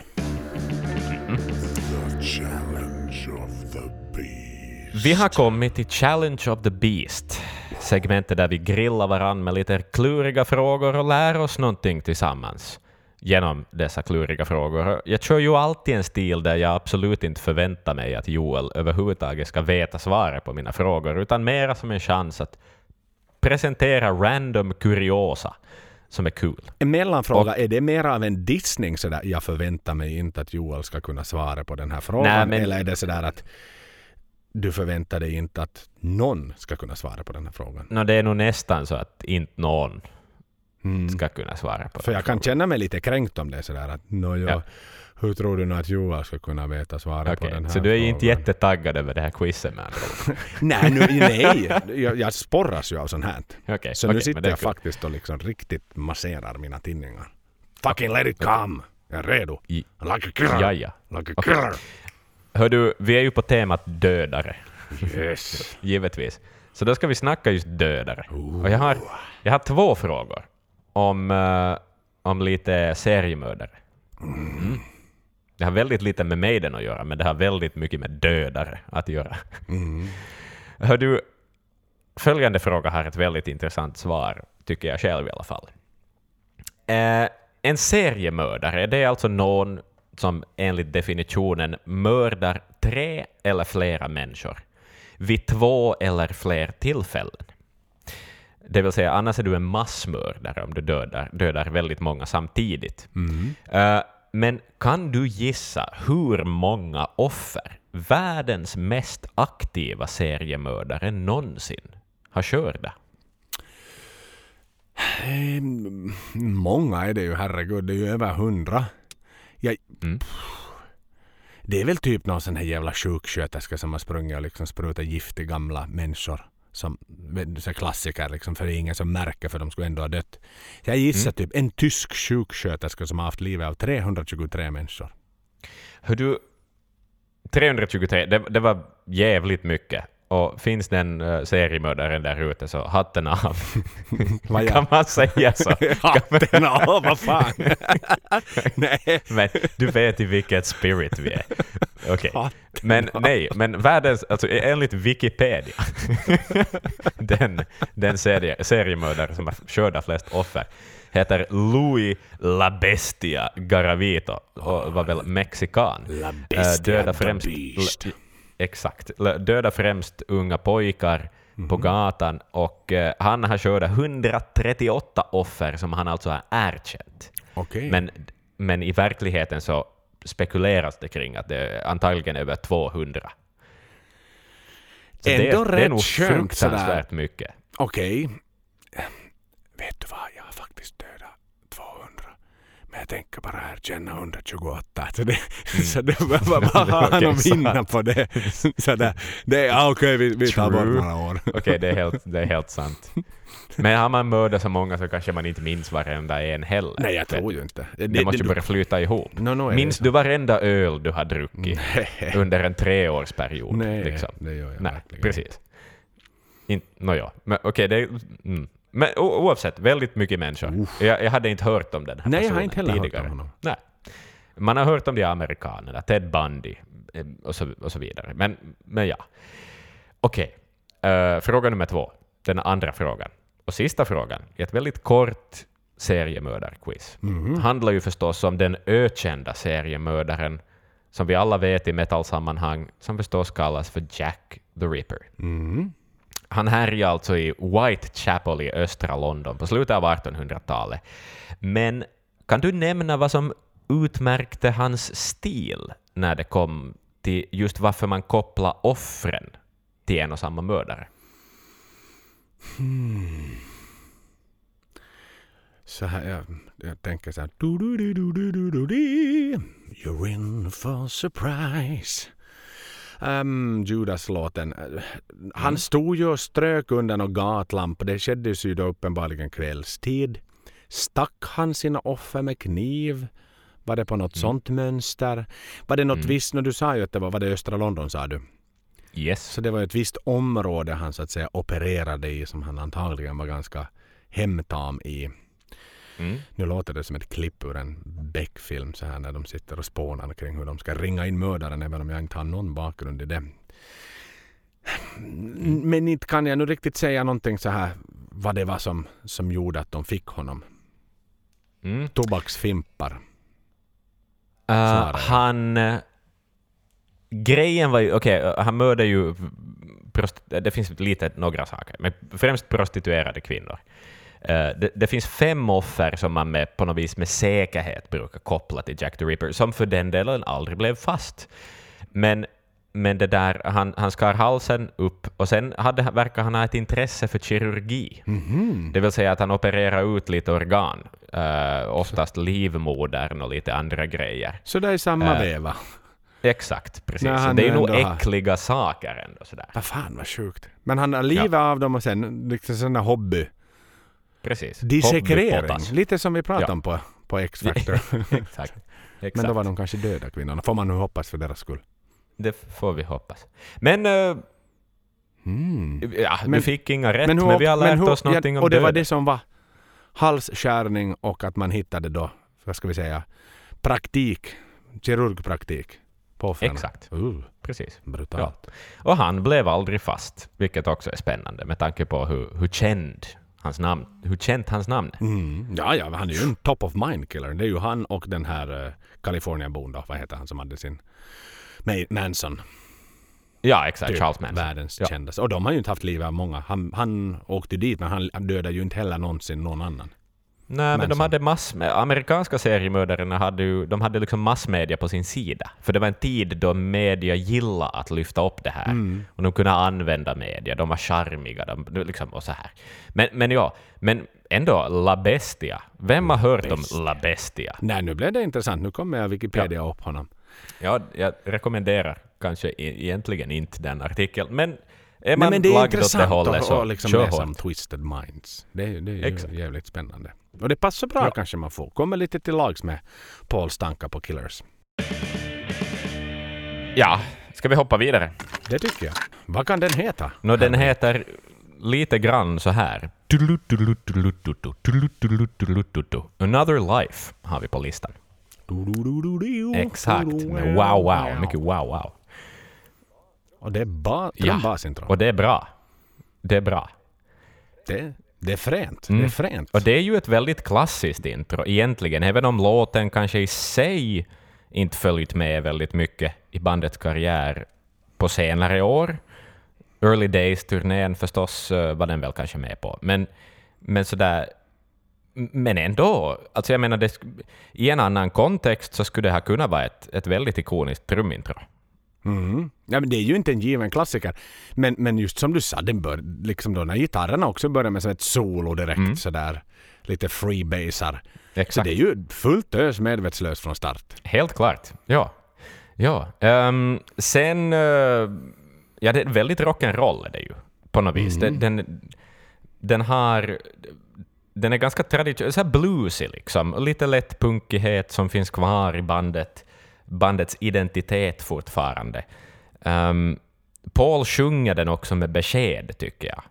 Eh, sådär att, att återigen på något vis så visar han att, att han har vuxit som sångare. Ehm, han, han har en annan punch, en annan, ett annat självförtroende. Det har han verkligen. Det har han. Och det, det är ju kanske genomgående för hela skivan. Att han, han har ju nog hittat sin, sin roll verkligen här. Ja, säg inte annat.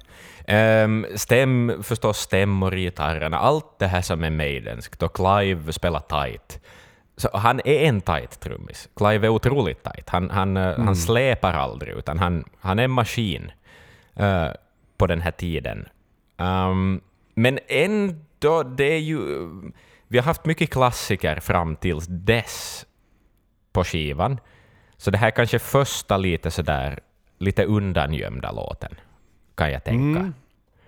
Jag, jag inte ligger den ju med riktigt på något. Jag menar den fick inte någon video. Det fick ju för sig väldigt lite, få av Pauls, Pauls verk som vi ju har kommit fram till. Men, men i sig den är ju, ja de- de- den är där. Det är inte en dålig låt alls. Liksom igen, förlåt nu. Men, men det blir väl lite så här att när man man jämför saker med albumet man talade innan för det är det som är väldigt färskt i skallen. Mm, mm. Så så här, hade den här varit med på X-Factor så hade den varit jävligt bra. Det skulle ha varit singeln liksom.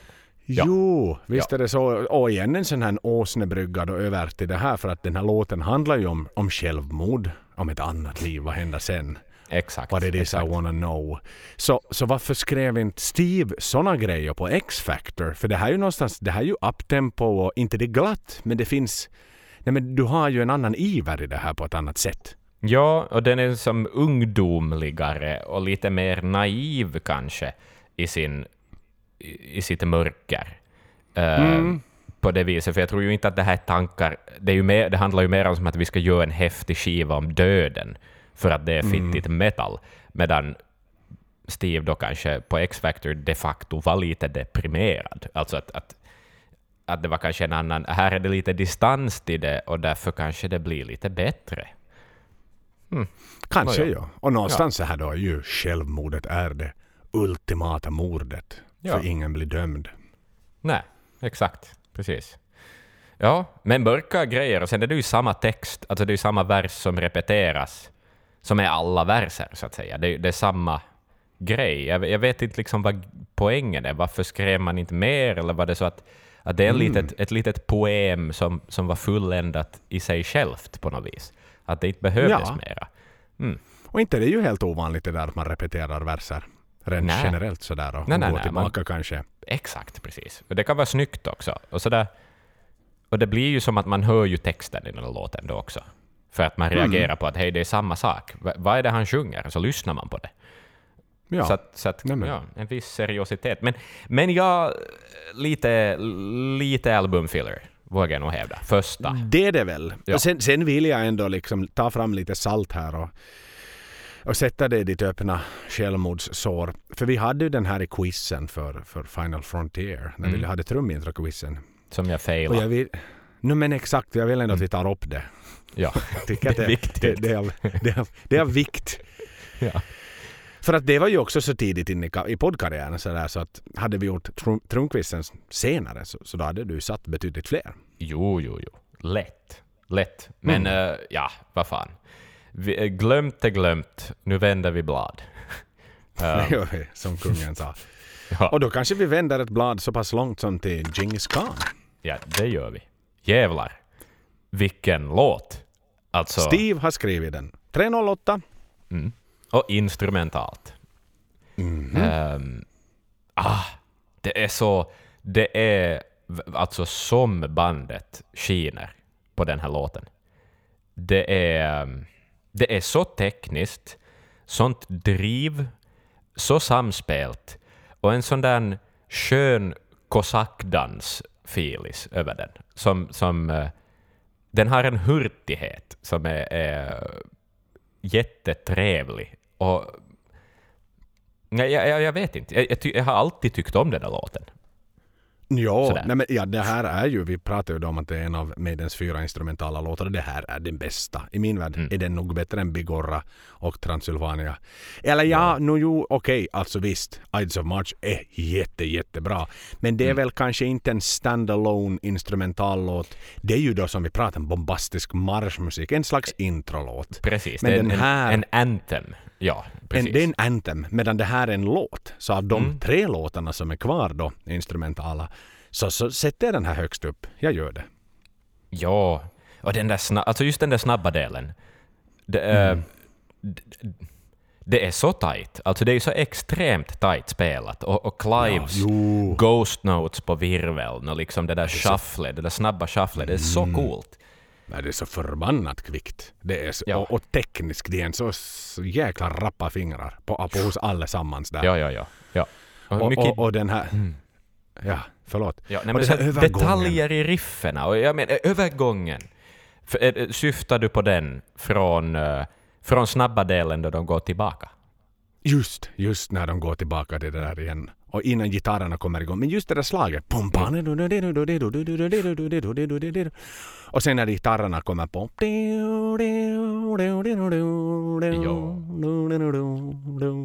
är så, jätteskön stämma i de där kling, kling i de där gitarrerna. Ja, ja exakt. Där har nog, vågar jag ge lite, jag vågar ge, jag vet inte om det är hans beslut, men Martin Birch har nog säkert satt till lite av sin magic dust där i form av någon sorts skön tidig delay-grej. Um, liksom sådär. Där, där är det studioteknik, för den, den blir så fyllig, um, gitarren, och, och atmosfärisk, och fyller upp mixen och utrymmet väldigt bra.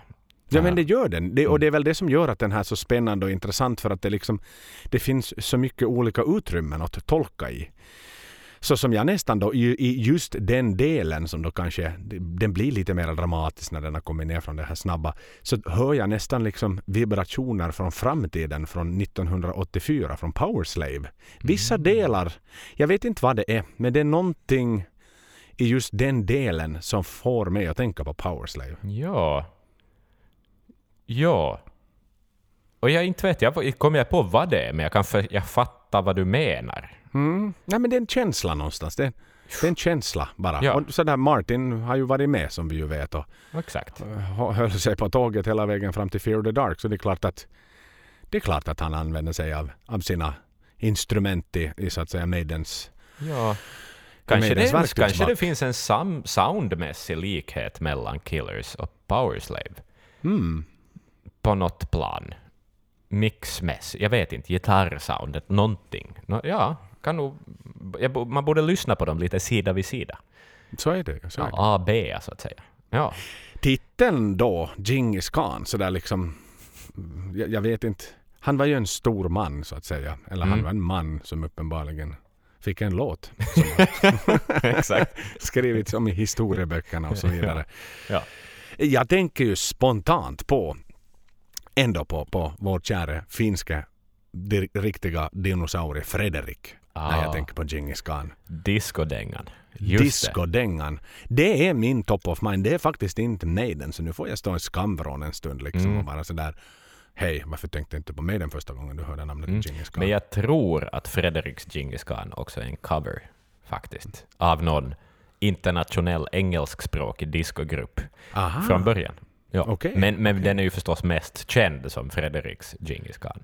Såklart, och det är ju den bästa, bäst, näst bästa varianten av Djingis khan som någonsin har gjorts efter. Maiden. Ska jag väl ändå säga. Vi kan lyssna lite på, på det glättiga Vi sätter på den i bakgrunden. Definitivt. Han är ju en fin representant för Finland. Jo, oh ja, oh ja. Sådana här stjärnor finns inte någon annanstans. Nej, nej, det är ju verkligen liksom, det där är finsk exportprodukt sådär. Det finns en anledning att, att uh, Cheiron-studion, ja, att den byggdes i Sverige och inte i Finland sådär i Fredriks sovrum. Exakt. Det får vi. För att uttrycka det milt. Men han, han, han byggde musik för den finska marknaden. Ja, Det var så väl det som- man har varit vilsen i Sverige och- bra med. Ja, exakt. I, I Sverige vill man alltid bygga musik för andra marknader. Ja, precis. Så är lite Finland överhuvudtaget. Finland finns till för Finlands skull. Ja, no, jo, nu är det ju så nu. Nu är det ju verkligen liksom.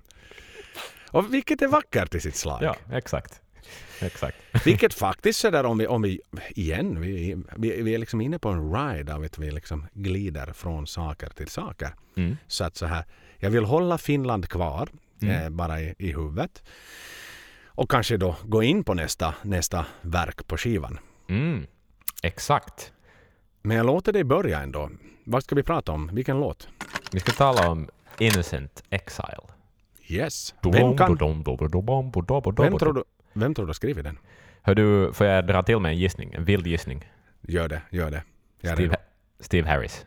Oh, drrrtutututu. 3.53 för er som är intresserade. Så, vad vad har du att säga? Um, den är bluesy Mm. och punkig. Och det där unisona riffet med baserna och båda gitarrerna i versen. Som har en liten sån där, nästan lite funky, vågar jag hävda, touch i, i det där unisona samspelet. Uh, my mind is so empty, nothing to live for. Där igen, vi har, vi, han är kvar i, i, i- svarta vatten alltså, på, i texterna. Sådär. Ja, Den, my mind is so empty, there's nothing to live for. Det, det är ju nog, tema lyser ju nog liksom ganska kraftigt här, eh, för hela skivan också. Och det jag tänker på just det här unisona och allt det här, är att, att det, det finns någonting väldigt Black Sabbathskt över det. Eh, på något plan. Att, att, att det är nästan lite sådär, lite stoner rock, kan jag tycka, så som en efterhandskonstruktion på något plan. Ja men det är väl nog den minst metal-låten kanske på skivan. Men jag, jag, tycker att den är, jag tycker faktiskt att den är bra. Och, och Clive verkligen vill jag lyfta fram. Han är riktigt on fire här. Och det här mellanspelet mellan verserna, det där... Da, da, da, da, da, da, da, da, da, da. Jo. Wow, wow, wow, wow, wow. Det där liksom melankoliska gitarrerna, det är så jäkla skönt alltså. Som båda, både Dave och Adrian kör i stämmor där Mm. eh, innan det då kommer My mind is so empty, na na na na na. Japp. Det, det, det, är så, det är så finskt och det är så vackert. Det var därför jag ville hålla kvar den här finskheten. Aha, just det ja. ja Just den där- det- mm, vemodigt. Vemodet, Ja. svårmodet. ja. Det får mig riktigt att vilja packa väskan nu liksom och lämna Maidenskrubben redan nu. Och kasta mig på första bästa båt.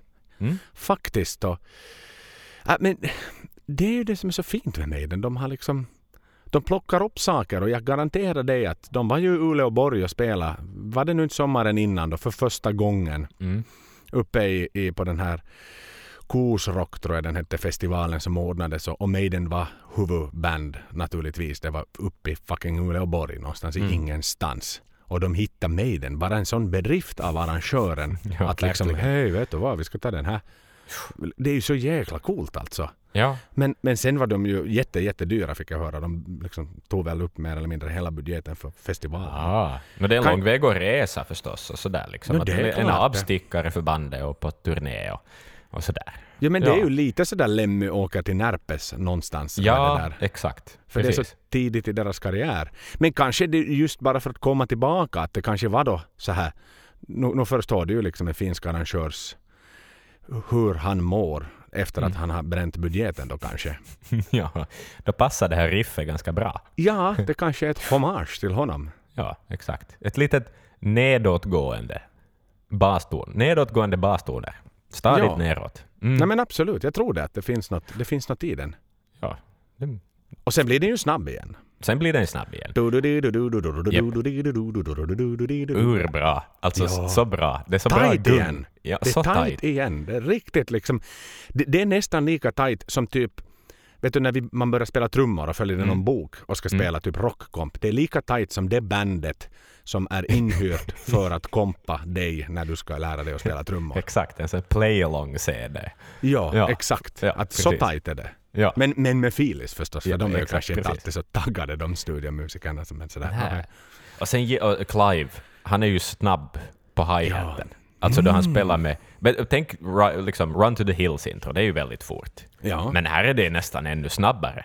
absolut. Äh, ja, det, I den här uppbyggande delen. Den är sjukt fin. Och, och så gillar jag en liten detalj. Mhm. Uh, då eh, det, det kommer en liten break och så är Paul säger Uah! i micken. Aha. Och det är coolt. Det är på, helt på slutet någonstans. Det är lite så Mm. tillbaks till um, Soundhouse Tapes-tiden. När det Mm. minst inte vi lyfter fram hans den här entusiasmen. Mm, ja, Han- exakt. Han är, han, men han får till bra sån här filler-ljud, vad man Japp. kallar det. Filler-effekter med sin mun. Ja, Som, verkligen. som lyfter.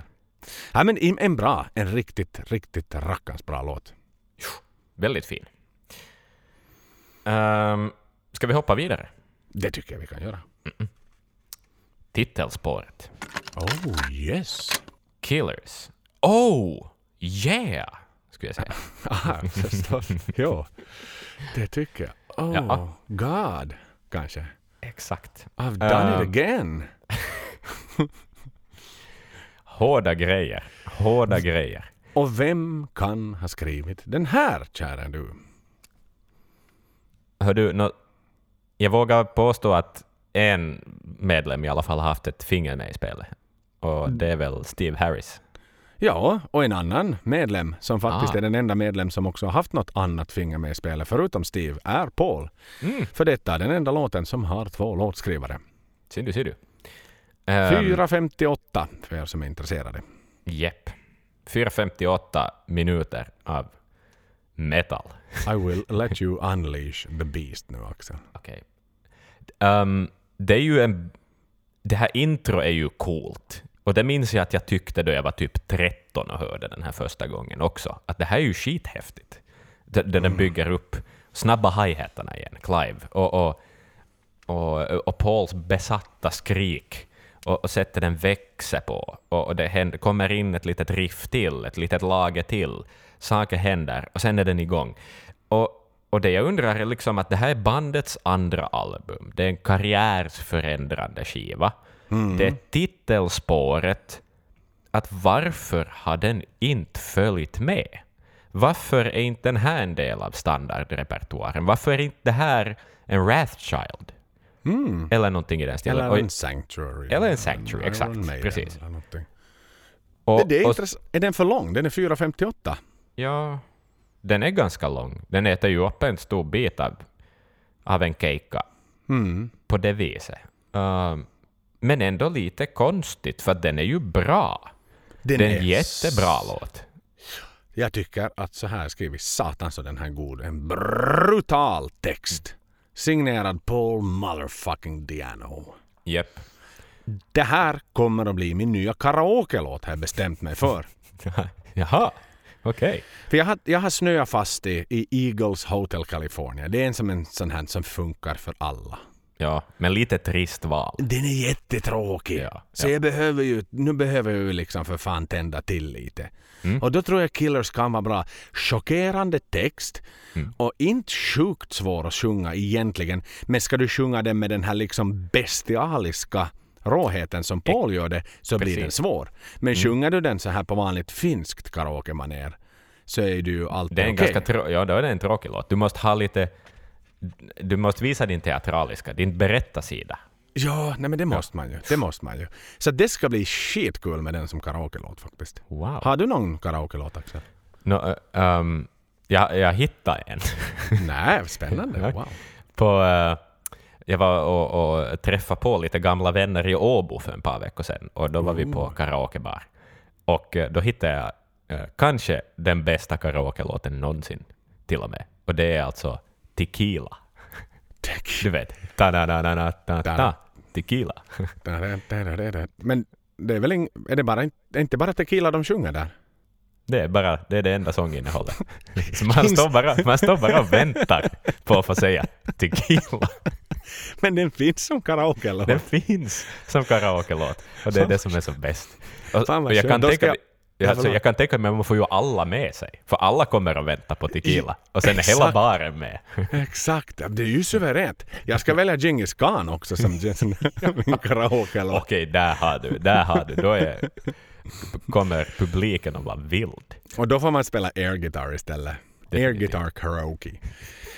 Var ni på, kan det ha varit Silver Moon? Finns den kvar ännu? Självklart var det Silver Moon. Vilket legendariskt ställe! Det låg alldeles hand i hand med Clubby som var en av Å- Åbos, då, eller det var Åbos bästa rockklubb med, med liksom rockvåningar i flera plan. Suverän plats där vi själva, jag har spelat där många gånger, du har säkert Ja, också eh, detsamma, detsamma.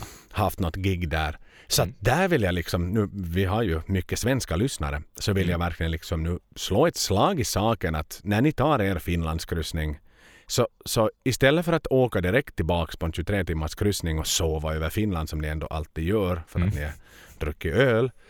Så ta en dag i Åbo, stig av eller till och med kosta på er en natt på, på ett hotell centralt då, och besök de här riktiga sunkiga hakorna och så avslutar ni som krona på verket på Silver Moon. Definitivt. Men vet du, Silver Moon är inte lika sunkigt som det var. För att de har renoverat och det är ganska snyggt där nu för tiden. Så att, Mm. okej, mer svenskvänligt kanske. Men det, ja okej, så, det, ja, så det är trevligt också. Det är Men faktiskt det, trevligt. Måste man vänta länge på att få sjunga? Uh, ja, vänta kanske 40 minuter, men jag dök upp ganska sent också. Det var närmare halv elva. Mm. Så att, eh, det var ju peak. Men är man i god tid så får man nog lägga in ganska många på listan om man vill. Och det var en helgdag antar jag. Det var en lördag. Så att jag menar, jag rekommenderar kanske en tisdag så där, då får man ju nog säkert dra in ett helt album på raken om man så önskar. Oh ja, oh ja, oh ja. Alla dagar. Mm. För Åbo är en fin stad ska ni veta med ån Det är en fin... Ja, och ett slott finns ju till och med. ett slott och en promenadvänlig stad så att man behöver inte liksom hyra, hyra bil och, och sådär. Så Nej, att, eh, nej, nej. vi- vi slår ett stort slag för vår gamla hemstad Åbo. Det, det, är en, det är en trevlig plats. Det, ja, helt klart värt ett besök.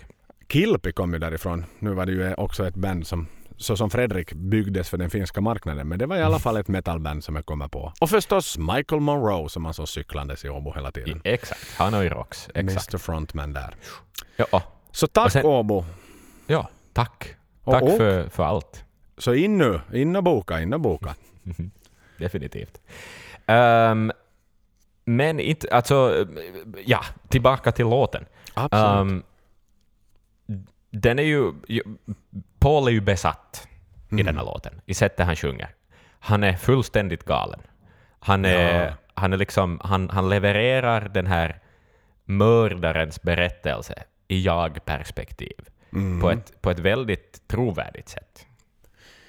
jag tror ju mer man lyssnar på den och jag har ju som ni vet nu vid det här laget lyssnat sjukt mycket på den. Alltså riktigt när man liksom spetsar öronen bara för vocals. Det, det är riktigt skrämmande nästan. Mm. Han låter så här till Lindemann sinnessjuk nästan. Ja, ja, ja, nej, men exakt, precis. Ja. ja, ja, det kan jag skriva under. Och kan det ha att göra med att han har varit med och skrivit texten? Att han levererar texten lite på ett annat sätt för att han har skrivit den? Mm. Nu kan det vara att det liksom att det kommer mera sådär från, från benmärgen istället för minnet. Du? Att, det, att den kommer, handen har skrivit den där texten och därför sätts det, det kommer inifrån mer än, än genom ett filter på något vis. Mm. Och, ja, nu kan, nu kan det vara, men... Mm. No, vi har ju, nu har jag ju skrivit, jag, jag hade en kort period i mitt liv i ett dödsmetallband där vi skrev eh, blodiga texter. Och nu kommer det ju, nu kommer det ju grejer ur en då man sätter sig ner för att skriva dödsmetalllyrik uh, som man inte riktigt visste att fanns där. Och det kan vara lite otäckt ibland. Men det är ju ändå liksom, man är ju, har man sett en blodig film någon gång i livet och sådär, så man vet ju vad, en- vad en människa är kapabel till. Och liksom, det, det här lite utforskande av mänsklighetens mörka sida. Så är det ju. Det är en konstform för tusan. Exakt. Ja, så är det. Så är det ju med kärlek också eller vad som helst. Jag menar, Ja. in, inte det är ju så att du råkar vara stört kär när du skriver that love song heller. Nej, nej, nej, nej, nej, exakt. Men man kan, man kan leva sig in i känslorna. Ja. Och sådär. Ja, Men, men jag tror nog kanske att man inte tog samma tunnelbanavagn hem som Paul Diano gjorde just efter den intagningen i studion. Nej, nej, Man kanske Nej. undvek honom lite. det vill man inte. Och, och på tal om text och sådär, alltså det är ju den mest metal-frasen på hela skivan. det är följande. The glimmer of metal, my moment is ready to strike. jag tycker- Evil! Det är så evil. Wow. Och bara att man får in ordet metal i en metaltext. Det tycker det, jag det är om. någonting jag alltid uppskattar. Ja, det tycker Ja, men faktiskt. Det är ju som lite Anvils. Metal on metal. Exakt. Jag har, en, jag har faktiskt en Spotify-playlist som heter Very Much Metal, som är bara metal-låtar med ordet metal i låttiteln. det är skönt. Den får du gärna dela med mig. jag ska göra det. Jag ska göra det. S- En annan sak eh, just om låten som jag vill lyfta fram verkligen är den här det här smutsiga gitarrsoundet där i, i, i versen. Det, det, det, som, det låter som om man skulle gå in i någon sån här smågnagardjurbutik och höra på de här som snurrar, de här hjulen. Men på, men på ett bra sätt alltså. Exakt. Så det, där, är det som, jag vet inte hur man spelar det där, men det låter som man liksom tar på något sätt med plektrumet liksom och Ja. hals, hakar sig ner på Det är halsen. eller? jätte... Och så är det... Ja, exakt ja. Ja, precis. Och sen kommer det ju också ett jobbigt gitarrsound, eller jobbigt, men på ett bra sätt, i den här galna uh, cirkus mittendelen. Uh, den där instrumentala. Det är någon sån där grej som är jättehögt upp på halsen. Någon sån där plink-plonk Ja. gitarrgrej som är exakt. väldigt vass och, och liksom gör saker åt ens huvud som är jobbigt eh, på något vis. Och, och den är också, det är också en galen del, och det kanske är liksom en återspegling av galenskapen i texten också på ett, på ett bra sätt. Um, att, men jag, ser- jag, jag ser liksom framför mig, jag, vet, jag ser liksom någon sorts Patrick Bateman som svingar en yxa uh, framför mig då jag liksom hör de gitarrerna och den delen. Att det är en sån här ultimat cirkusgalenskap som är konstig på något vis. Liksom. Vilket ju passar jättebra in i temat naturligtvis. Exakt, precis, precis. För det är ju en seriemördare, en psykopat på något vis. Liksom. Men ändå med en viss ånger. Ja, jo, jo, för han kommer ju underfund med Oh God, what have I done? Liksom, Yes. Och där igen är ju verkligen liksom den här liksom, morkis som pratade om i förra avsnittet. Liksom. men, kanske ännu en lite mer brutal morkis. Ultimata morkisen. Nå, nu är det lite jag- honom. Alltså satans morkis, jag dödade en människa igår. Ja, satan. Ja, men vad var det, där, vilken, vad var det stil som var, hur lät den där frasen? The glimmer of metal, my moment is ready to strike. Exakt! Så att han har ändå liksom förberett sig med the glimmer of metal, men ändå Exakt. morkis efter sen. Sådär. It seemed like a good idea then. Så det här är den ultimata morkislåten kanske. Ja. man kan, liksom, ångrar man något man har gjort i fyllan så kan man alltid höra på den här och tänka Ja. att ah, nå- någon har gjort något värre. Nej men exakt. Nej men exakt. Precis. Nej men alltså, så här vill jag summera låten. Jag tycker det är en sjukt, sjukt, sjukt, sjukt, sjukt bra låt som förtjänar att spelas mera live. Ja, så där är det ja. lite en uppmaning till, till Maiden-gänget. Helt klart. Ta med Ja. den här live. Den hade blivit en given pu- publiksuccé. Det, definitivt. definitivt. Vi hoppar vidare till en låt som de högst antagligen aldrig kommer att spela live. Uh, Någonsin. Nej, om inte de gör en sån här typ Sonata Arctica. Lämna bort alla instrument. mm, Plocka med den här bongokillen från Adrians och Daves första band. Nico får, vara, får ha ledigt. Och spelar i kultursalar runt om Ja. i små städer. Då Exakt. tror jag de plockar fram den här. Mm, helt klart. Och vad pratar vi om? Prodigal Son. Yes! Och det är den längsta låten på skivan, 6.05. Ja, den, den är värd varenda minut. eh, tycker jag. För jag tycker faktiskt om den här låten. Jag tycker om den så pass mycket så jag har en ganska personlig koppling till den. Mhm, låt Um.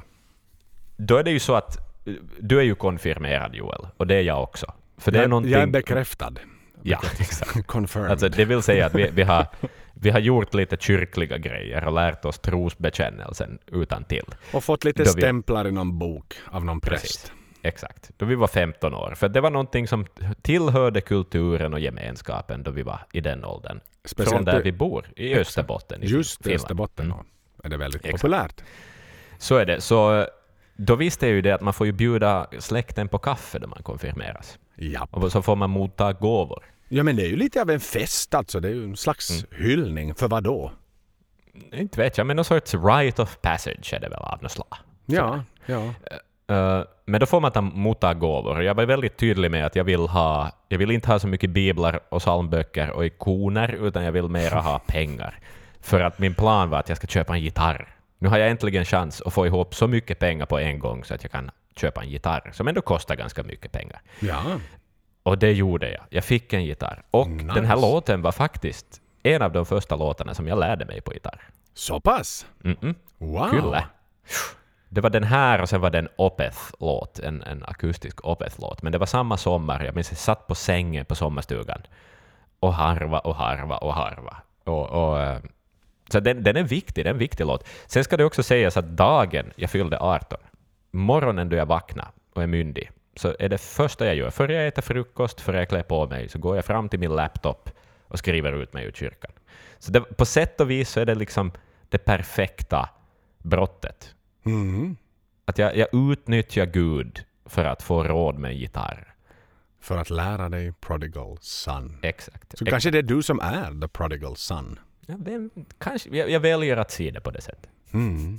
Men det är ju ett väldigt, väldigt vackert, för att prata om låten, det är jättefint det här gitarrkompet på, på akustiska gitarren. Och, Mm. och, och Steves verkligen liksom moment, när han, hans moment är alltid to shine, men, men i det här fallet en jättefin och mycket bas. Men väldigt Ja. mycket fin bas. Ja. ja, det är rätt bas. Mm.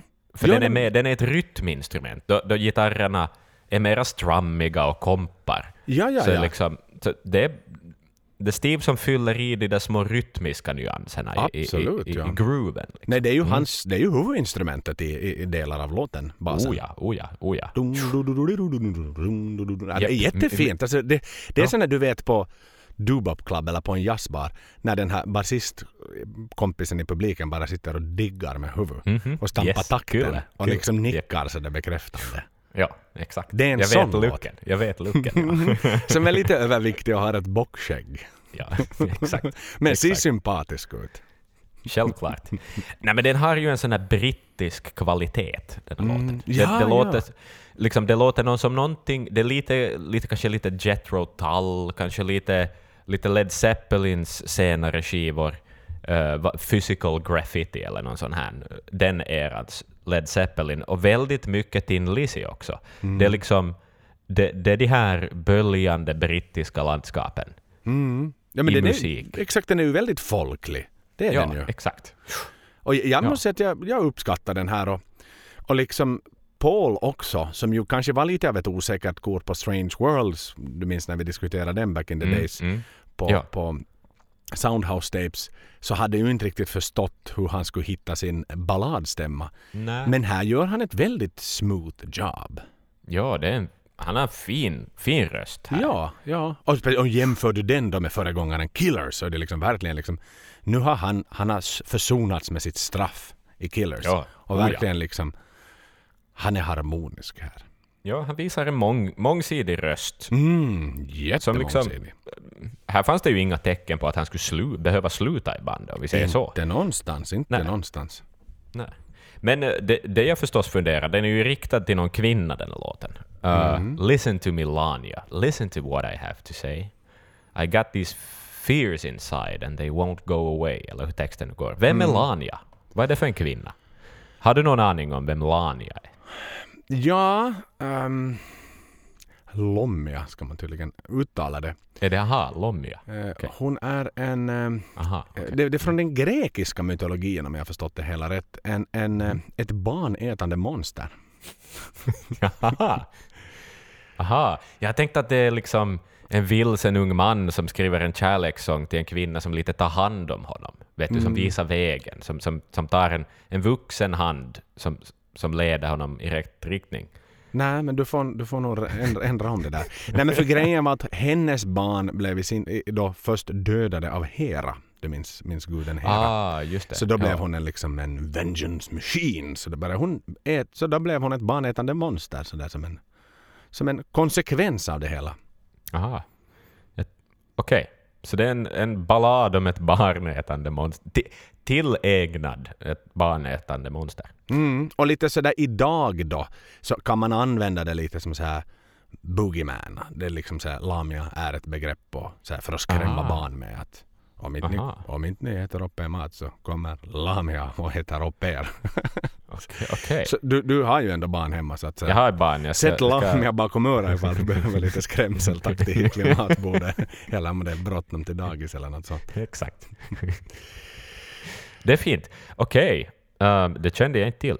Men det är en fin, det är en fin låt. Den, den har ett väldigt fint solo eh, också, som jag misstänker är, är, som Adrian väl står bakom. Ja. För det låter som Adrians bluesiga touch. Det är riktigt hans, fint. hans souliga vibe, så att säga. Mm. Mm. Ehm, jag har ingenting negativt att säga om den här låten. Nej, den är fin. Den är fin. Det ska väl tilläggas att sådär Paul tyckte inte riktigt om att sjunga den. För även om han gör det bra så var det Mm. en stor kamp tillsammans med Martin att liksom få den att sitta. Och Ja, ja, för tyckte han är ju punkaren liksom. Och sådär. Jo, han tyckte Mm. också det där för han visste inte heller vem Lamia var. Så han Nej. tyckte det var liksom lite, lite fjantigt sådär. Men så han hade frågat Steve att "Nå, vem fan är Lamia? Så hade Mm. Steve bara sagt ja, hon är en demon. Så då var det så här, okej. Då var det Då är okej. det coolt. då, då är det en metal igen. Okej, fall nu är det metal igen. Ja, nu Det- är jag med. Det är inte någon nördig, det är en badass som ska hjälpa mig. Ja, exakt. Nej men som sagt, en skitbra låt. Igen, fulla, fulla poäng, fulla poäng. Ja, Mera sånt. Så jag vill gärna, höra- gärna höra den och Journeyman på den här akustiska folkskolsturnén som ni gör i gympasalarna vid något skede sen. Vi väntar på den. Jag, jag beställer biljetter så fort de finns. Vi hoppar vidare. Purgatory. Ja, Purgatory som man säger i Purgatory. Purgatory. Purgatory. Alltså, finns det en mer metal-låttitel? Nej. Alltså, den är ju fantastisk. Och 321 Steve. kort, kraftig, ordentlig. Ehm, och så bra. Alltså, vilken refräng! Är, är det första jag säger. Vilken refräng! Äh, Det, det, jag bara väntar, det är därför jag står och morrar som en arg hund som släpps ut ur buren. Liksom. Jag, Ja. jag har fått bittring nu så att jag, medan du pratar så jag är så fokuserad nu. Ja. Nej, det, det, det här är min favoritlåt på skivan. Den är Ja. så fucking badass den här. Den har sånt drive och så förbannad vet du ultra rapid speed som man skulle säga Japp. i Finland. Maximum attack. det, den är så snabb så Paul hinner ju knappt med i versen. Nej, nej. Han får ju skynda room. Det är lite så som Bruce beklagar sig ibland över att han skrev så satans långa, långa liksom att man hinner ju inte med. Mycket texter. Ja, Ja. exakt. Mycket, mycket fraser och mycket stavelser. Exakt. Men jävlar vad Paul levererar igen i den här låten. I, speciellt i den här förrefrängdelen tillsammans med Adrian. Alltså den här... hur, Sjung den för mig den här.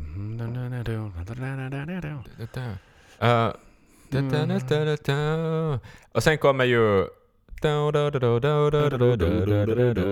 Please take me away, take me away, so far away. Och teknisk som hela tiden, hela, hela tiden. Det, är just, det är ett sånt liksom lokomotiv som har spårat ur. Eller, Ja. eller som vi såg när vi körde bil i Kalifornien, en sån runaway truck. Japp. Den här behöver ha en sån här runaway truck stop den här. Och mycket finesser. Just, just Clives pumpa med, med hi-haten och sådana så cool fills och, och, och, och grejer. Och refrängen. Alltså vilken hit det. Vilken melodisk liksom explosion då den kommer. Och den är så ren och så lättlyssnad. Och gitarriffen är fina. Det, är, det är så bra. Det är säkert skivans bästa refräng. Mhm. Och skivans mest fartfyllda, energiska låt. Ja, och igen. Purgatory spelas inte heller live för att gå. Nej. Det här är ju en riktigt för... Den här är ju så röj. Och så fantastiskt liksom teknisk. Och säkert skitkul att spela för bandet. För den, liksom, Nej, den byter ja. och den varierar. Det, det är riktigt, riktigt, riktigt bra låt. Jag har inget annat att säga än att jag lyfter den här till skyarna. Som Ja. min favoritlåt på hela plattan. Jag, jag är benägen att hålla med. Mm. Ehm, även om förstås Prodigal Son har en, en viss koppling till mig. Ja, Som också hör till, alltså, även om den är en väldigt omaidensk låt, men det här är ju, det här är ju, det här är ju just som Maiden ska låta vid den här eran. absolut. Äh, Det här, Liksom, ja. det här, är- det här är fulla muggar, fulla hus, fulla allt. Fulla poäng. Så är det. Men Hör vi du? skyndsamt vidare för att den där är snabb så då får vi också snabbt. Det gör vi. Vad har vi tagit? Drifter. Rift, Rifteri. 447 Steve. Ja, ja. För Rooperi heter ju Trooper så får ju. Drifter vara Rifteri. Rifter. Förstås är det det. Ehm, den har ju en, den har en lite kissig vibe, tycker jag. Mm. Mm. Vågar jag hävda. Det är också en... Det, ja, exakt. Eh, Det här är ju Dave i låtform, på något vis. Ehm, Fast han är inte krediterad. ja. Men han är en? Jo, eh, nej han är inte krediterad. Nej, han är inte krediterad, men den handlar ju om honom. ja, sådär. Som jag- vi jag- konstaterar ja. Precis, precis. Ehm, ja, alltså... pff. Det är en fin avslutning. Kanske... Kanske en av de lite mer bortglömda låtarna på skivan. Mm. Sådär. Ehm, efter, efter urladdningen som var Purgatory. Men det är inte dåligt. Absolut inte dåligt. Den här, den här, hela den här skivan har en extremt hög lägstanivå. Det har ju den. Mm. Den har ju verkligen det. Vad, vad, vad, vad har du att berätta om Drifter, Joel? Jag, jag, också, det är ju en sån här crowd pleaser. Den och Mm. Wrathchild är väl liksom de sån här, i min värld kanske mest kommersiella framgångarna på den här, på den här skivan. Mm. På så sätt och, och nu har vi ju medvetet lämnat Twilight Zone eftersom vi, vi går enligt den europeiska utgåvan på, på skivan. Och vi kan ta den i något singelavsnitt sen vid något senare skede. Ja, ja, men det kan- senare det kan vi göra. skede. För det är också en bra låt. Det är också en väldigt crowd-pleasing låt. Den hade kanske varit den mest crowd-pleasande låten så att säga. Vilket den ju Mm. då är på det amerikanska albumet. Men, men jag tycker att den är, jag tycker att den är riktigt jäkla bra. Och jag tycker verkligen liksom Steves briljans i, i fullkomligt låtskrivande. Så här. Han skriver snabba låtar. Vi hyllade just liksom verkligen Purgatory så jäkla hårt. Men, men är det igen liksom hans, hans variation? Ja. Ja. Det är lite så här en dansbandsklassiker som plötsligt metallifieras. Ja. Ja, jag exakt. skrivit. Det det kan jag hålla med om.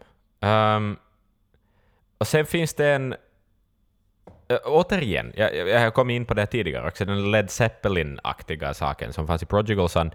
Eh, jag gillar också hur, hur Paul avslutar hela låten med en sån här väldigt Robert Plantig, wailande grej. Och där igen visar på en mångsidighet. På något vis. Det, det, det finns en hand utsträckt till, till förebilder men, men med respekt, utan att stjäla. Och liksom, ehm, men samtidigt, om jag nu liksom tar tillfället i akt, vi är inne på sista låten på skivan och liksom sammanfattar lite hela, hela alltihopa, så, så den är naiv, det är en naiv skiva av ett ungt band. Mm. Eh, Ja, för mycket av materialet var ju skrivet långt, långt innan. Till och med så tidigt som 77. Så det var ju Precis. skrivet ännu under den här tiden när det liksom spritte byxorna lite på ett annat sätt än kanske det gör när man blir äldre. Exakt, och, och även om Steve står som, som nästan ensam låtskrivare för hela skivan, så, så ha, vet man ju också att han har en del att lära ännu. Att, att vissa grejer, att det, det hoppar lite hit och dit mellan låtdelar och låtdelar, och att en grej kanske inte... Liksom det här hantverket med att skriva en bra låt på ett sätt som till exempel någon som ABBA skulle göra. Mm. Så det är ganska långt borta ännu. Att, att här är det mer en entusiasm av en ung människa som vill spela hårdrock. eh, på Mm. det viset. Men det är också det som gör den så rolig att höra. No, men det är ju det att det är ju ett underhållande album. Och, Ja. och så, så här, bara för att nu liksom dra sista fraserna om just uh, Drifters och någonstans så här. Mm. Igen väldigt varierande och, och ganska progressiv det mellanspelen när det blir snabbare och snabbare och snabbare och snabbare japp, hela japp. tiden. Och, och, och Steves basförstärkare som då bara pumpar ton efter ton efter ton efter ton efter ton. Det måste ju typ brunnit upp den här jävla basförstärkaren där i studion för det, liksom, det går ju så snabbt. Och igen Ja. liksom Steves fingrar som du vet, det, det är som så här flygplanspropeller. När den går tillräckligt snabbt så syns den inte mera. Steves fingrar måste ju ha försvunnit. Liksom. Det går så snabbt så man kan inte följa hans fingrar i den Nej. turordning de slår på strängarna.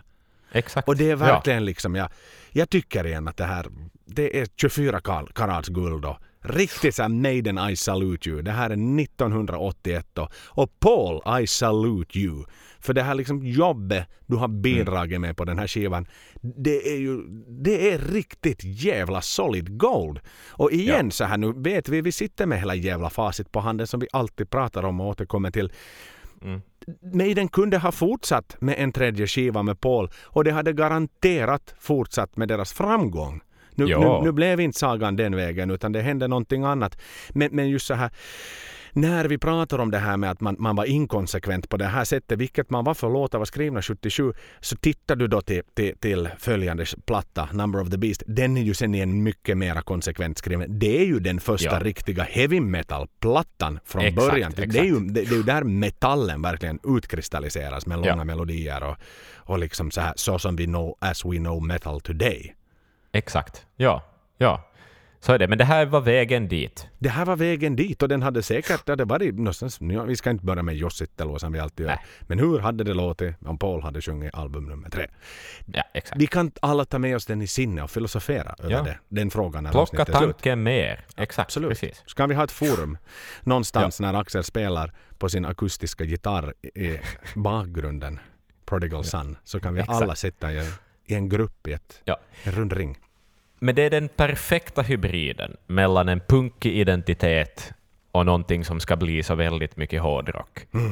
Och, och, och det är så bra. Alltså, jag, jag kan tycka att det här Maiden som gjorde Killers är kanske det coolaste Maiden som någonsin har funnits. Vet du att det är Maiden med mest street cred. Mm. Ja men Och- det, det är det nog. Det är det nog. exakt. Det är jeans, det är läder och långt hår. Och det finns ju Och risk liksom- att de tappar lite fans när de gick ut till sin då liksom mera pure metal som de Mm. ju gjorde på, på nästa album. Exakt, lite mer spandex, lite mer, ja, och så här. Mm. För Paul, Ja. Paul, Paul var ju Paul var ju den stora starka liksom pelaren av punkigheten som, som ville ha det. S- Sen när Paul försvann, då försvann all del av punk. För Ja. resten av gänget gick ju så gladeligen och började spela mera heavy metal. Ja, och och ja, ja. Adrian som vi känner honom har ju alltid varit en mera softare guy. Så att sådär, så. eh, precis, precis. Ja. Han- Jag tror att han, han Nej. hade inga, inte många allierade i just det där punkträsket. Tror jag inte att Nej, nej, nej. Maiden. nej. Så månne inte skulle ha tagit slut i alla fall i något skede. Han skulle ha haft gänget emot sig. De skulle ha velat utvecklas och sådär. Så men no, jo, Men storyn- Sittelua, Joss Sittelua, den storyn tar Och, och jag tänker gång. att vi tar den här, vad ska vi säga, Pauls väg till sitt förfall. Så det, det, det ger vi honom istället när vi pratar om honom. Istället för att Ja. liksom hasta igenom det i slutet på Killers. Precis. Så den, precis. den, den kan vi vrida och vända på då. Ja. Nej, För det- skitbra story. skiva. Skitbra. Det, alltså, så bra skiva. Så här, It's a killer album man. Så hårt. Kunde inte ha sagt det bättre själv. Ja, den är bra. Den, den, den är cool. Och den, det här liksom igen så här. Det är så kul för den här har växt på mig något oerhört. Och det börjar kännas så här Axel att mitt beroende börjar gå över för att vi har fått prata av oss. Så jag tror att jag kommer att vakna upp i en morgondag. Liksom inte utan Killers, det låter fel. Men Mm. utan att vara besatt av att jag måste lyssna på Killers. Och utan den där morkisen av att döda en människa. Exakt, exakt. och utan den här morkisen av att jag inte har lyssnat på Killers liksom dagen efter när jag avsnittet är färdigt. Precis, precis. Men i, sed, så. i sedvanlig ordning, vi finns på alla kanaler där ni finns och eh, det är bara in och, in och join the conversation. Och. Är det någonting vi har gjort fel? Är det någon vi har upprört? Är det någonting som ni vill ha en åsikt om så är det alltid mejlen som gäller. Eller de andra kanalerna. Det, vi, är, vi är här för er. Vi är här för oss framför allt. Exakt. Gå gärna med i Facebookgruppen också om ni inte har hört om den tidigare. Uh, Maidenpodden heter den. Yes. Uh, det, det, den växer och det blir roligt att diskutera saker där. Så är det. Så att uh, tusen tack hörni. Jag har... Jag, jag, jag är nöjd. Jag är så nöjd och glad. Killer mode on.